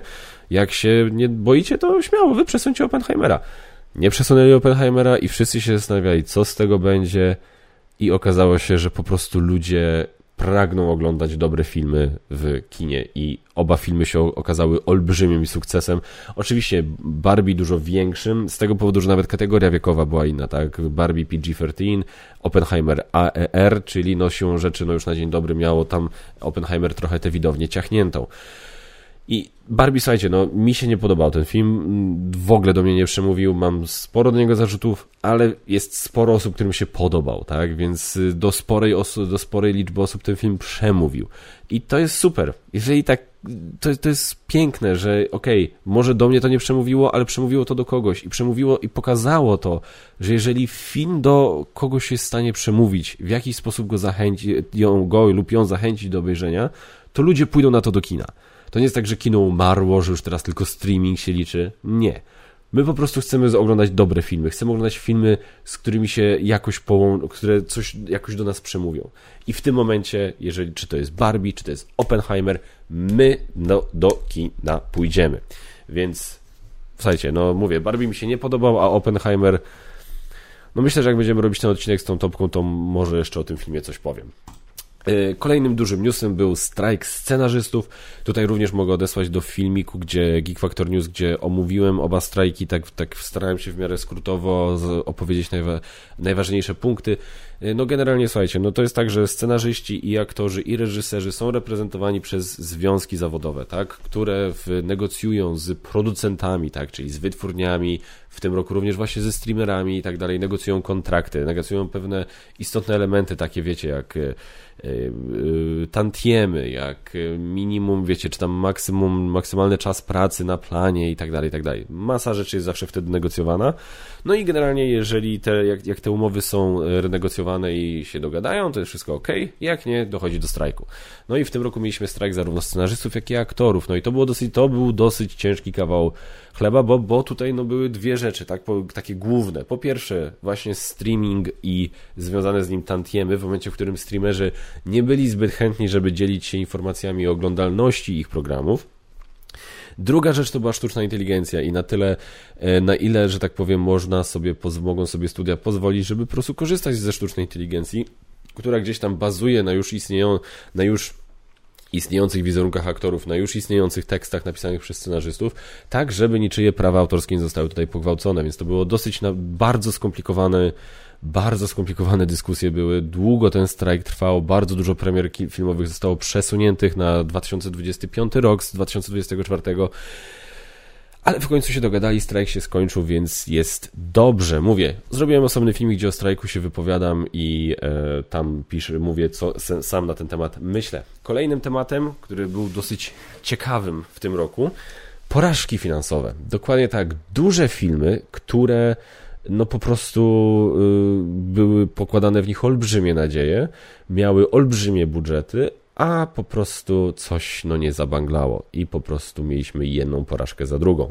I największe takie tytuły, które chciałem powiedzieć to Indiana Jones. Serce mnie boli. Film był nie był tak zły, jak niektórzy w internecie twierdzą, ale to nie był dobry film, moim zdaniem, na zakończenie, y, wiecie, historii Indiana Jonesa. To, to nie było to, na co to, to, no nie, no nie w ten sposób powinniśmy się, uważam, z tą postacią pożegnać. To już lepiej było zostawić Królestwo Kryształowej Czaszki. The Marvels nawet tego jeszcze nie widziałem i mi się powiem szczerze, nie chcę sobie to obejrzeć, jak będzie na Disney+. Zupełnie serio, nie chce mi się nawet na to iść do kina. Recenzje widzę, jakie są, trailery były, jakie były. Pierwsza część Kapitan Marvel w ogóle mi się nie podobała. Monika Rambeau w WandaVision była okej. Okay Miss Marvel była fajną postacią w serialu Miss Marvel, ale na tyle, że ja, czy na tyle, żebym szedł teraz do kina na The Marvels? Nie. The Flash. No tutaj dużo osób pokładało sporo nadziei w tym filmie. E, I okej, okay, fajnie było zobaczyć Michaela Keatona jako Batmana znowu, ale koniec końców uważam, że to, co oni zrobili z Michaelem Keatonem i jego Batmanem w tym filmie, to koniec końców był taki trochę policzek dla niego, uważam zupełnie nie chcę spoilować, tak, ale no wiecie jak się skończył wątek Michaela Keatona w tym filmie. I, i, i się zastanówcie, tak, to tak serio, to po, co, po to go sprawdziliście, żeby dać nam do zrozumienia, że to jest mu dane. Wiecie, to było takie. Nie, no, no nie, nie spodobało mi się to w ogóle, jeśli chodzi o to. On był super. On fajnie było go widzieć. Ezry Miller nie cierpię, yy, chociaż okej, okay, nie był najgorszy w tym filmie jako ten główny Flash, ten młodszy Flash był po prostu dobijający na maksa. Supergirl była fajna, więc wiecie, tam było parę rzeczy, które mogło się podobać, ale te wszystkie epizody komputerowe, yy, ten ostatni, końcowy epizod z końcówki filmu, tak zupełnie z czapy po prostu tam wstawiony. Fatalne, więc zupełnie się nie dziwię, że ten film się nie sprzedał. Bardzo mnie zdziwiło w niski bardzo wynik finansowy najnowszej części Mission Impossible. To był bardzo dobry film akcji, uważam. Jeżeli ktoś jest fanem Mission Impossible, to myślę, że dostał to, co powinien dostać taki. I, i to, jest, to jest bardzo ciekawe, bo yy, poprzednia część Mission Impossible, czyli Mission Impossible Fallout, jest przez wielu uznawana za jedną z najlepszych z całej serii. Miała bardzo dobry wynik finansowy, bardzo dobre opinie. Tutaj mieliśmy bardzo dobry buzz, bo były bardzo dobre opinie z pokazów y, przedpremierowych. Mieliśmy Toma Cruza, który rok temu zaliczył swój największy hit w całej swojej karierze, czyli Top Guna Mavericka i nagle coś takiego. i nagle porażka. I nie wiemy o co chodzi. To jest dla mnie największa zagadka tego roku. Największe zaskoczenie, największe rozczarowanie, największe zaskoczenie tego roku. Co się wydarzyło, co się stało, że się stało, jeśli chodzi o kasę dla Mission Impossible. Kolejna rzecz, DCEU, czyli DC Extended Universe, czyli to, co Marvel, DC próbujące skopiować Marvela, oficjalnie umarło w tym roku. Tak jest. James Gunn w 2025 odpali swoje DCU filmem Superman Legacy. W roku 2024 nie będzie żadnego filmu DC w kinach. A Aquaman, który jest obecnie w kinach, druga część Aquamana jest oficjalnie ostatnim, fi ostatnim filmem z DCEU. I pomimo tego, że niektórzy aktorzy pojawią się w DCU, grający te same postacie, które, które grali w DCEU, typu Viola Davis jako Amanda Waller, typu e, John Cena jako e, Peacemaker i ten chłopak, który gra w Cobra Kai i w Blue Beetle jako Blue Beetle to jednak to nie będą te same postacie, to będą jakieś tam wariacje na temat tych postaci, to będzie nowe uniwersum, nowy świat, e, ale generalnie to będzie coś zupełnie nowego, więc będziemy mieli nowego Supermana, będzie nowy Lex Luthor, nowe wszystko. Czy będziemy mieli Shazama w ogóle, czy będziemy mieli Wonder Woman, o nie, Wonder Woman będzie, bo będzie to Miskira. E, wiecie, czy pojawi się Cyborg, czy pojawi się Harley Quinn jakaś nowa, wiecie, to jest Dużo nie wiemy. Nie mówię tutaj o Harley Quinn w wykonaniu Lady Gagi, tak? bo to będzie z tak zwanego DC Elseworlds.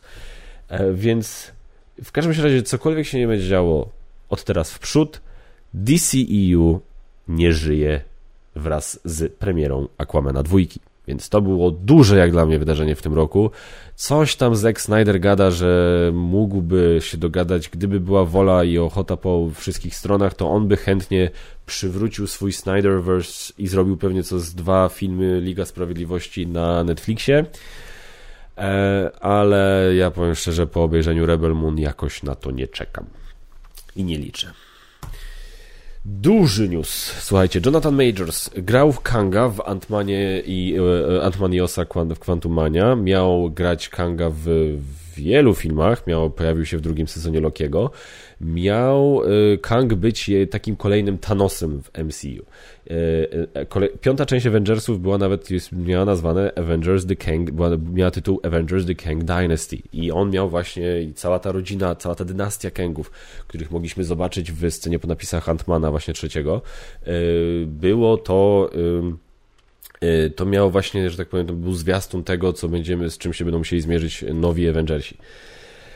Niestety, pan Jonathan Majors nabroił troszkę i e, wdał się w, bój, wdał się w bójkę ze swoją dziewczyną. Został aresztowany, była rozprawa sądowa i no niestety uznali go winnego napaści trzeciego stopnia. To było takie to jest reckless assault, czyli nie to, że z premedytacją, to nie jest to, że on to jest po prostu damski bokser, który chciał chodzić i naparzać kobiety, tylko po prostu wdarł się w kłótnię, która się po prostu między nimi zaczęli się po prostu szamotać, no i po prostu on, nie, ponieważ jest silnym kawałem chłopa, no to jej tam troszkę krzywdę zrobił, tak? To nie było tak, że mówię, no po prostu to wąt, nie, nie, nie nazwałbym go damskim bokserem, ale no po prostu dlatego mówię, dlatego ta kategoria, klasyfikacja, tam był ten zarzut właśnie o, o, o ten poważniejszy zarzut związany z napaścią, e, ale ponieważ właśnie stwierdzili, że to nie było tak, że on po prostu zaczął ją lać, tylko po prostu oni się razem zaczęli ze sobą szamotać, bo to no generalnie tam dziwne rzeczy powychodziły w trakcie tego, stąd niestety te, te, te tutaj go uznali winnego. Wyszły też jakieś tam dziwne SMS-y między nimi,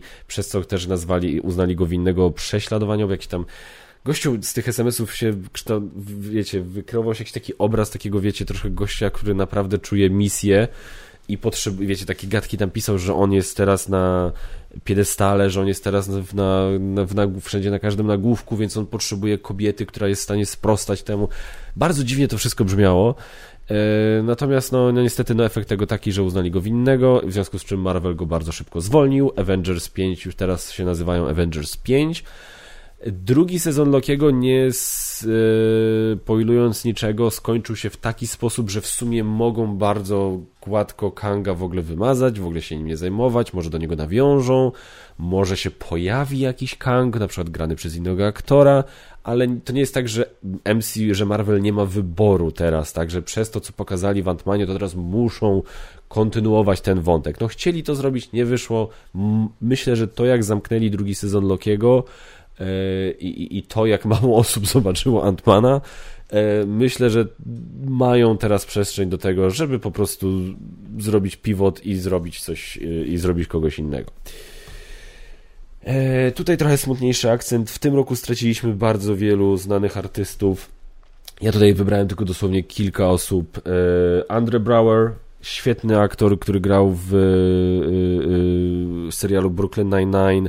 Powiem wam tak, serial Brooklyn Nine-Nine obejrzałem cały i nie wszystkie odcinki i wszystkie żarty tam weszły, natomiast jedna rzecz, która była niewątpliwie genialna w każdym odcinku od pierwszego do ostatniego, to była kreacja e, właśnie kapitana Holta w wykonaniu Andrej Brauera. Był po prostu genialny w tej roli i no straszna strata, e, zmarł na raka płuc, bardzo, w sumie w młodym wieku i, i no bardzo, bardzo to było, bardzo mnie, bardzo byłem, zaskoczyło mnie to i, i bardzo mi się przykro zrobiło, bo mówię, byłem wielkim fanem tego, co robił. Ale słuchajcie, no Michael Gambon, E, genialny monolog o Slayer Cake.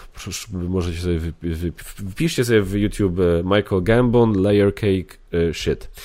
Bardzo dobry monolog uważam. No ale oczywiście dla wielu znany przede wszystkim jako Dumbledore. Też wielka strata. Słuchajcie, Szyny O'Connor, no ok, kontrowersyjna, no ale genialna. Ona chyba, z tego co ja wiem, to jej syn chyba też jakoś niedawno w miarę zmarł. I to jakoś no tak niedługo po nim. Coś tak mi się kojarzy. Ray Stevenson, Asoka, ale przedtem cała masa ról. Był w Torze, był w Dexterze w szóstym sezonie, chcę powiedzieć. Chyba tak, szóstym, siódmym? Już teraz mi się mylą. A, no ale doskonały aktor. Matthew Perry, no ja pierdzielę, chłopie, że no jest mi tak żal i tak smutno niestety, zwłaszcza jak wyszło, jakie były przyczyny śmierci, gdzie niestety no ewidentnie zaaplikował sobie sam ketaminę, czego nie powinien robić sam.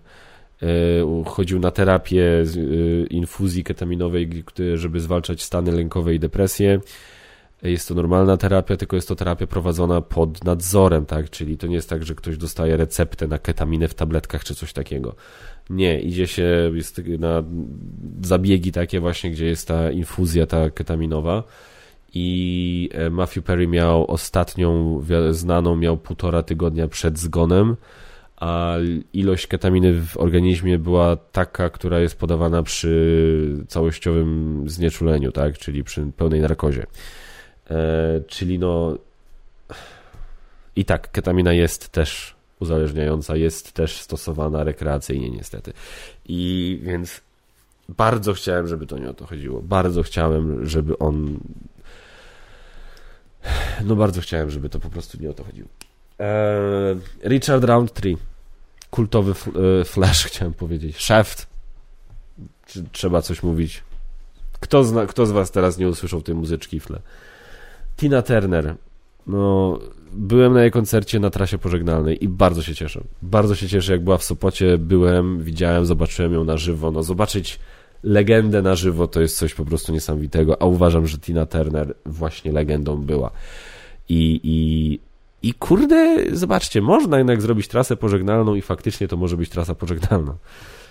I naprawdę, no geniu, no to jest to jest ten talent, wiecie, to co, mówią, nie? że niektórzy tale, mają talent, ale taki też, wiecie, wypracowany, a niektórzy mają taki talent, jakby ktoś po prostu, mówię, taki dar od Boga, że ktoś po prostu wziął i wsadził w nich coś, czego po prostu się nie da skopiować. I to była właśnie Tina, i taka właśnie była Tina Turner. A i ostatni tutaj, który widzicie na zdjęciu, ci, którzy oglądają, e, to jest news z dzisiaj, Tom Wilkinson. E, znany z wielu różnych ról, grał w Carmina Falcone, w Batman Begins, e, jejku, no to jest, jest, strasznie dużo ról, ale właśnie teraz mi mam problem, żeby mi jakieś konkretne przyszły do głowy. Natomiast in, Full Monty, Goło i Wesoło, y, to jest jeden z tych takich, ten człowiek grał w tylu filmach, że y, Michael Clayton, świetna rola, y, bardzo, bardzo mi go będzie brakowało. To był, to był jeden z takich, takich aktorów, że jak się, jak widać go było w obsadzie filmu, to było ok, będzie jedna doskonała kreacja przynajmniej. Więc no oczywiście mówię, no było dużo więcej, e, straciliśmy bardzo wielu artystów i artystek e, w tym roku, to jest mówię, to jest dosłownie garstka, którą wybrałem, żeby jakiś tam hołd oddać, złożyć e, e tym, którzy, których w tym roku straciliśmy. Żeby troszkę to podsumowanie zakończyć tak bardziej na pozytywnej nucie, to może teraz przejdźmy do moich ulubionych seriali w roku, dwa, które obejrzałem w roku 2023. Top 5. I na miejscu piątym sezon drugi Lokiego. E, słuchajcie, sam jestem w szoku. Autentycznie jestem w szoku, ale naprawdę mi się podobał drugi sezon Lokiego. Był skromniejszy. Miałem, można było wręcz odnieść wrażenie, że wiecie, że, że, że, że, że z konkretnie im ciachnęli budżet, bo mam wrażenie, że większość scen się odbywała w tym TVA, ale powiem wam szczerze, przy tym wszystkim, co Marvel ostatnio wypuszcza, to, co oni zrobili z Lokim i w jaki sposób zamknęli jego historię, E, przy czym, no wiecie, no ten nasz Loki, można by powiedzieć, zginął w Avengers Infinity War. To jest ten drugi Loki, tak? Ale mimo wszystko cał, to jakoś takie się wszystko zgrabnie połączyło, że ten Loki też się stał naszym Lokim. I to, jak oni zakończyli jego historię, było dla mnie piękne. Autentycznie uważam, że nie mogli tego, tego lepiej zakończyć. To, jak, jak skończyła jego postać, w jakim punkcie ona skończyła, to jest po prostu w sam raz i mi się to bardzo podobało. I uważam, że yy, strasznie dużo w tym serialu zagrało w tym sezonie. Yy, Mobius, yy, ich chemia. I podobało mi się to, że w końcu nie zrobili z Lokiego, tak jak w pierwszym sezonie zrobili z niego taką troszkę, wiecie, taką trochę pipę, gdzie e, ta Sylwie musiała mu pokazać co i jak, Lady Sif się pojawiła tylko po to, żeby mu dawać kop kopa w jaja. Nie, tutaj Loki naprawdę wziął się w garść i był bardziej taki, wiecie, bardziej on trzymał rękę na pulsie, bardziej on trzymał rękę na kierownicy. Pojawił się Jonathan Majors, jego Victor Timely mi się nie podobał, ale jak wrócił jako He Who Remains, był bardzo fajny, więc na miejscu piątym, moim ulubionym, z piątym ulubionym serialem 2023 roku był Loki, drugi sezon.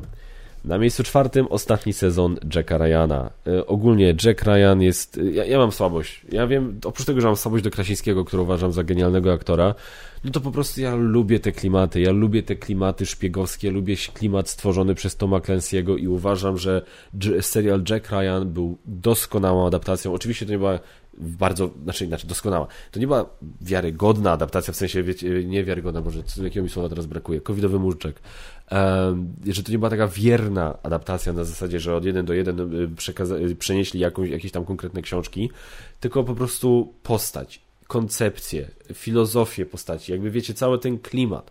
To moim zdaniem zostało tutaj oddane bardzo dobrze i Jack Ryan jest naprawdę, jeżeli lubicie sensacyjne, ser, dobre seriale, Jack Ryan jest dla mnie, uważam, na Prime Video jest dostępny, jest super.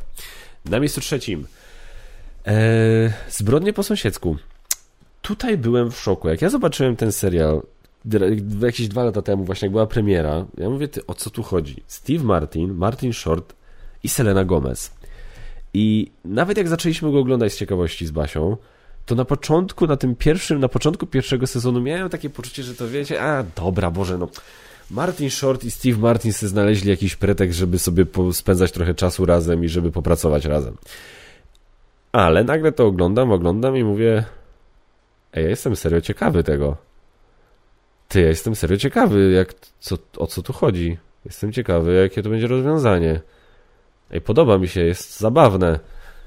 Ej, w ogóle Selena Gomez jest naprawdę fajna, naprawdę jest świetną, po prostu świetnie dopełnia ten duet. To jest wręcz nie pomyślałbym, że to jest to, czego ten duet mógł potrzebować. I z każdym kolejnym odcinkiem, z każdym kolejnym sezonem jest coraz lepiej.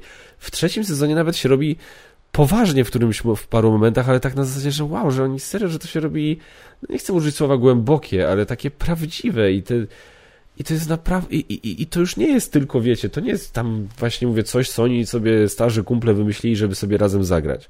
To jest kawał dobrej telewizji. Jest to dobrze napisane, jest to świetnie zagrane, jest to cholernie zabawne. Słuchajcie, w trzecim sezonie jest Paul Rudd i Meryl Streep. Czy ja muszę mówić coś więcej? I te zagadki, kto, kogo, czemu. Ja, ja jestem w. Myśmy z Basią łyknęli trzy sezony chyba w dwa tygodnie. Co przy naszych zasobach czasowych to jest naprawdę niemały wyczyn. Absolutnie polecam na Disney Plus e, Zbrodnie po sąsiedzku. Genialna rzecz. Na miejscu drugim Zagłada domu Asherów. Y, Mike Flanagan, ja jestem jego fanboyem, dlatego przez jakiś czas się zastanawiałem, bo mi się ten serial naprawdę spodobał, ale mówię, dobra, ja jestem fanboyem Mike'a Flanagana, więc może nie wiem, nie będę się wychylał z tym, jak bardzo mi się ten serial podoba, ale, no, ale potem zacząłem czytać i mówię, okej, okay, nie, dobra, on zbiera doskonałe opinie, więc to nie jestem tylko ja. E, the Fall of the House of Usher jest moim zdaniem najlepszą rzeczą, którą Flanagan zrobił od czasu tego pierwszego swojego serialu na Netflixie, czyli Nawiedzonego Domu na Wzgórzu. E, jest gotycko, jest nowocześnie, jest, e, mamy ciekawe postacie, jest troszkę strasznie, bo to troszkę mówię, bo to jest, ma elementy horroru, ale to nie jest horror. Jest to adaptacja luźna adaptacja y, kilku opowiadań Edgara Alana Poe, ale też z, nawiąz- z srogim nawiązaniem do rodziny Sacklerów i y, dramatu z, w Stanach z opiatami, konkretnie z Oxycontin.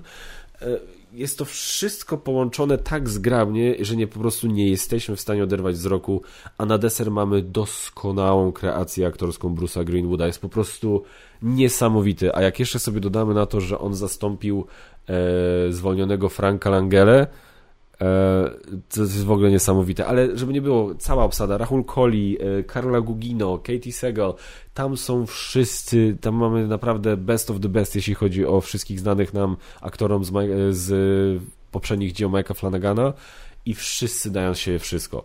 Zupełnie serio, to jest ostatni serial, który Mike Flanagan zrobił dla Netflixa, teraz będzie pracował dla Prime to jest bardzo, naprawdę, ma taką doskonałą, wiecie, tutaj nawiedzony dom na wzgórzu, zagłada domu Asherów, bardzo dobry serial, doj mroczny, momentami bardzo brutalny, ale naprawdę, ło, to jest, to jest dobra rzecz, no, to jest kawał dobrej telewizji.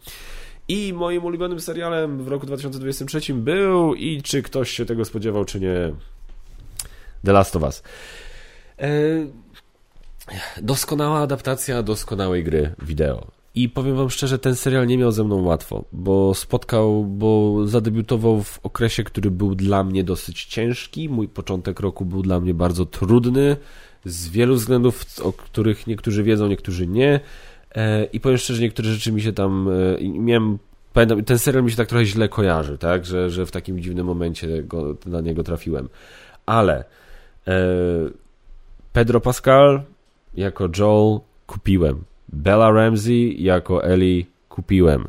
Klimat, e, realizacja, scenariusz, dialogi, ten trzeci odcinek, o ja pierdzielę, ryczałem jak bubr.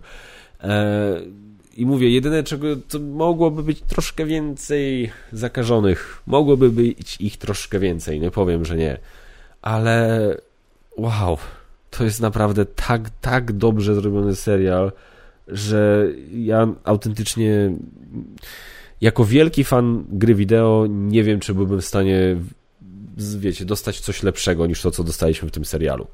I tym, który, i, ci, i, i myślę, że ci, którzy się zgadzają, którzy znają początek drugiej części gry y, The Last of Us, y, ja wam powiem tak, patrząc na to, jak ludzie zareagowali, na ten serial, jak ludzie zareagowali na Pedro Pascala, jak ludzie zareagowali na Belle Ramsey, jak ludzie zareagowali na ich duet, na, na ich chemię ekranową. Ja twórcom serialu The Last of Us życzę powodzenia z drugim sezonem The Last of Us. Słuchajcie, to jest koniec mojego geekowego podsumowania. Na koniec zróbmy Q&A, tam chyba dużo pytań nie było i tyle.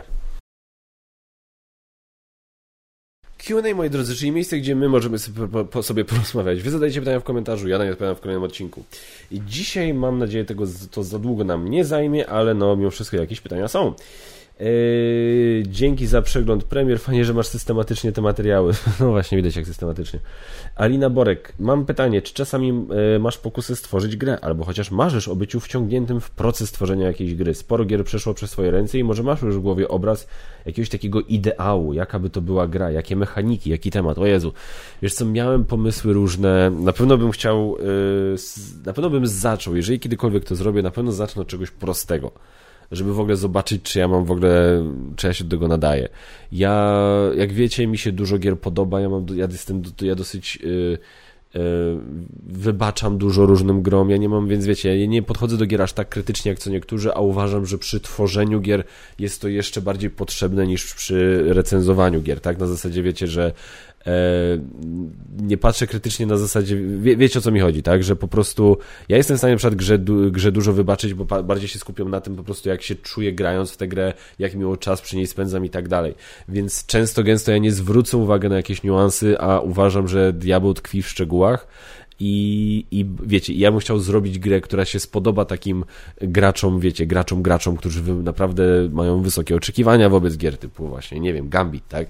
To jest, to taki byłby mój cel, a więc myślę, że miałbym, więc chciałbym zacząć od czegoś prostszego, może kiedyś to zrobię, nie mówię nie, nie mam żadnych planów, nie mam żadnych pomysłów, nie mam żadnych projektów. Może kiedyś to zrobię, ale na razie, ale nie w najbliższej przyszłości. E, dzięki wielkie. E, odnośnie 30 kg, czy pojawiły się jakiekolwiek głosy na Monopoly? Pojedyncze, bardzo, bardzo pojedyncze. Eee, uwaga, pytanie. Mówiłeś, że grasz z Basią w pociągi Legacy i jest to twoja gra miesiąca. Uważasz zatem, że gra dobrze się skaluje na dwie osoby? Słyszałem głosy, że jednak się traci, bo jest mniej blokowania. Jak ty to oceniasz? Nie gram w to, w to żeby blokować. To wsiąść do pociągu dużo, nigdy nie grałem w to. Zawsze ludzie, zawsze była taka opcja i dużo osób zawsze grało w to na zasadzie blokujmy, to wiecie, yy, przeszkadzajmy innym. Ja w to nigdy tak nie grałem. Ja zawsze w to grałem dla przyjemności i tak samo gram teraz, dlatego mi na dwie osoby to się bardzo dobrze skaluje. Eee... Mistyczny, mityczny, tak, no. Dzisiaj chyba też to popełniłem. Dzięki bardzo, Damianie.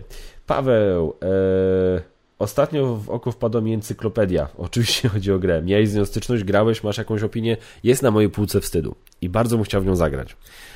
Ale jeszcze niestety nie miałem okazji. Pan ostatnio opowiadał o Dorf Romantic jako planszówkowym spa. Jaka gra jest twoim planszówkowym spa, przy której sobie siadasz, czy to solo, czy z kimś i po prostu lajtowo grasz i się relaksujesz bez nadwyrężania zwojów mózgowych. Marvel Champions jest dla mnie taką grą. O dziwo Dorf Romantic nie. Tam ja się bardzo stresowałem, żeby dostać dobrą liczbę punktów. E, powiem wam, e, Marvel Champions, nie, wiadomo, niektóre czarne charaktery są srogi. Nie, tam są sro, tam postacie są niektóre srogie, jeśli chodzi o przeciwników. I, są, I jest ciężko wygrać, ale nawet wtedy. Ja po prostu podchodzę do tego na lajcie, ja sobie obcuję z Marvelem, ja się dobrze bawię. E, na tej samej zasadzie, e, co jeszcze bym... Szczerze, Unmatched, opowieści niesamowite wiesz, puszczam jakąś muzykę science fiction, soundtracki i się po prostu dobrze bawię i relaksuję, więc takie tytuły mi teraz przychodzą do głowy. Ostatnio z kumplami, z którymi grywam, narodziła się dyskusja o kolekcjach na kilkaset gier. Wyklarowały się dwie strony. Jedna uważa, że osoby, które mają kilkaset gier, są po prostu uzależnione od kupowania. I to nie jest do końca normalne, bo wiadomo, że przy na przykład 700 tytułach nie jest w stanie e, nie, nie jest się w stanie wszystkiego ograć. Druga strona była taka, że są to po prostu zakupy kolekcjonerskie i swojego rodzaju rozwinięcie hobby. Czyli lubię grać w gry i je kolekcjonuję. Jak ty na to patrzysz? Tak, wiem, że sam masz sporą kolekcję, ale jednak twoja sytuacja nieco różni się od innych, bo sporo tytułów dostajesz do recenzji, a większość ludzi mając taką kolekcję wydało małą fortunę. Co też nie jest bez znaczenia, zgadzam się, to nie jest bez znaczenia. E, ja gdzieś tam słyszałem, że kupowanie gier i granie w gry to są dwa różne hobby. Czasami się zdarza, że ktoś ma je oba te hobby, a czasami się zdarza, że ktoś ma troszkę granie w gry jako hobby, ale w dużej mierze kupowanie gier. Powiem tak. Ja myślę, że mogę, może teraz zabrzmi kontrowersyjnie to, co powiem. W tym całym takim gra, zbieraniu tych gier, gdzie mamy naprawdę ich po kilkaset i tak dalej, ja myślę, że tutaj jest troszkę spora do oszukiwania się. Ja myślę, że ja jestem też temu winny. Ja jestem, że, że tak powiem, też na to chory. Na zasadzie, że y, ja mam mas, masę gier i ja naprawdę mógłbym, myślę śmiało, ograniczyć swoją kolekcję do, nie wiem, 150 gier, 100 nawet i byłbym szczęśliwy. I na przykład sobie zrobić zasadę 100, że nigdy nie mogę przekroczyć liczby 100 gier. I byłbym szczęśliwy i miałbym w co grać. No ale ja się oszukuję, że nie, zostawmy to, bo może kiedyś, bo może akurat ktoś przyjdzie i będzie chciał akurat w to zagrać, a to jest super gra bo może coś tam, bo może jak się dzieciaki wyprowadzą, ja będę miał wtedy zarobistą kolekcję i sobie będę codziennie w coś grał, bo na starość po prostu mnie zamkną w domu starości, gdzie pozwolą mi te wszystkie gry zabrać i wtedy będę sobie z moimi kolegami staruszkami w to grał. Wiecie, to jest takie troszkę oszukiwanie się, bo myślę, że tego jest, to, to jest po prostu za dużo, no, to, to jest nierealne, żeby, wiecie, no, z jednej strony Słuchajcie, niech każdy robi co chce, tak? To jest generalnie, żeby nie było. Jak ktoś chce kolekcjonować i kupować, żeby mu to stało na półce i ładnie wyglądało, spoko. Rozumiem to. Ale ja jednak mam, i ja, bo, bo, bo ja, ja, to rozumiem też, bo po części tak trochę mam. Ale jest, ja mam taką troszkę twardo stąpającą po ziemi praktyczną część mózgu, która mówi mi, no gry nie są po to, żeby stały na półce, gry są po to, żeby w nie grać. Tak? Ja rozumiem dbać o nie, nie, nie musisz grać za dużo w jakąś grę, że na zasadzie wiecie, ale no jednak ich podstawową funkcją jest to, żeby w nie zagrać. Więc nie rozumiem, znaczy rozumiem i nie rozumiem. W sensie mówię, że to jest tak, oceniam to tak, że po prostu w tym jest spora doza oszukiwania samego siebie na zasadzie, albo samej siebie, że e, kiedyś. To jest, wiecie, to jest taki, taki, to jest taki hobbystyczny odpowiednik tej szuflady z kablami, nie? To jest to, tylko przy, przy czym szuflada z kablami fatalnie wygląda. A, a gry przynajmniej, duża kolekcja gier planszowych ładnie wygląda, uważam. E, więc naprawdę mm, ja osobiście chciałbym mieć tą dyscyplinę, żeby jednak się ograniczyć do jakiejś tam konkretnej liczby gier i po prostu do tego nie wracać. Dobra, yy, to był Paweł. Dzięki wielkie za pytania. Yy, hej, czy oglądał Pan? Jeśli tak, to co myśli o najlepszym odcinku South Park, który konkretnie podsumowuje, co robi Disney? Bardzo dobry. Bardzo dobrze to od, od, od, oddał, aczkolwiek bardziej mi się chyba podobał ten wątek, gdzie ci wszyscy, wiecie, e, te złote rączki byli milionerami i tak dalej, bo okazało się, że ludzie generalnie w dzisiejszych czasach nie są w stanie nic zrobić. Nie są w stanie nic zbudować, nie są w stanie naprawić zlewu i po wszystko muszą dzwonić po złotą rączkę. Ten wątek mi się chyba jeszcze bardziej podobał.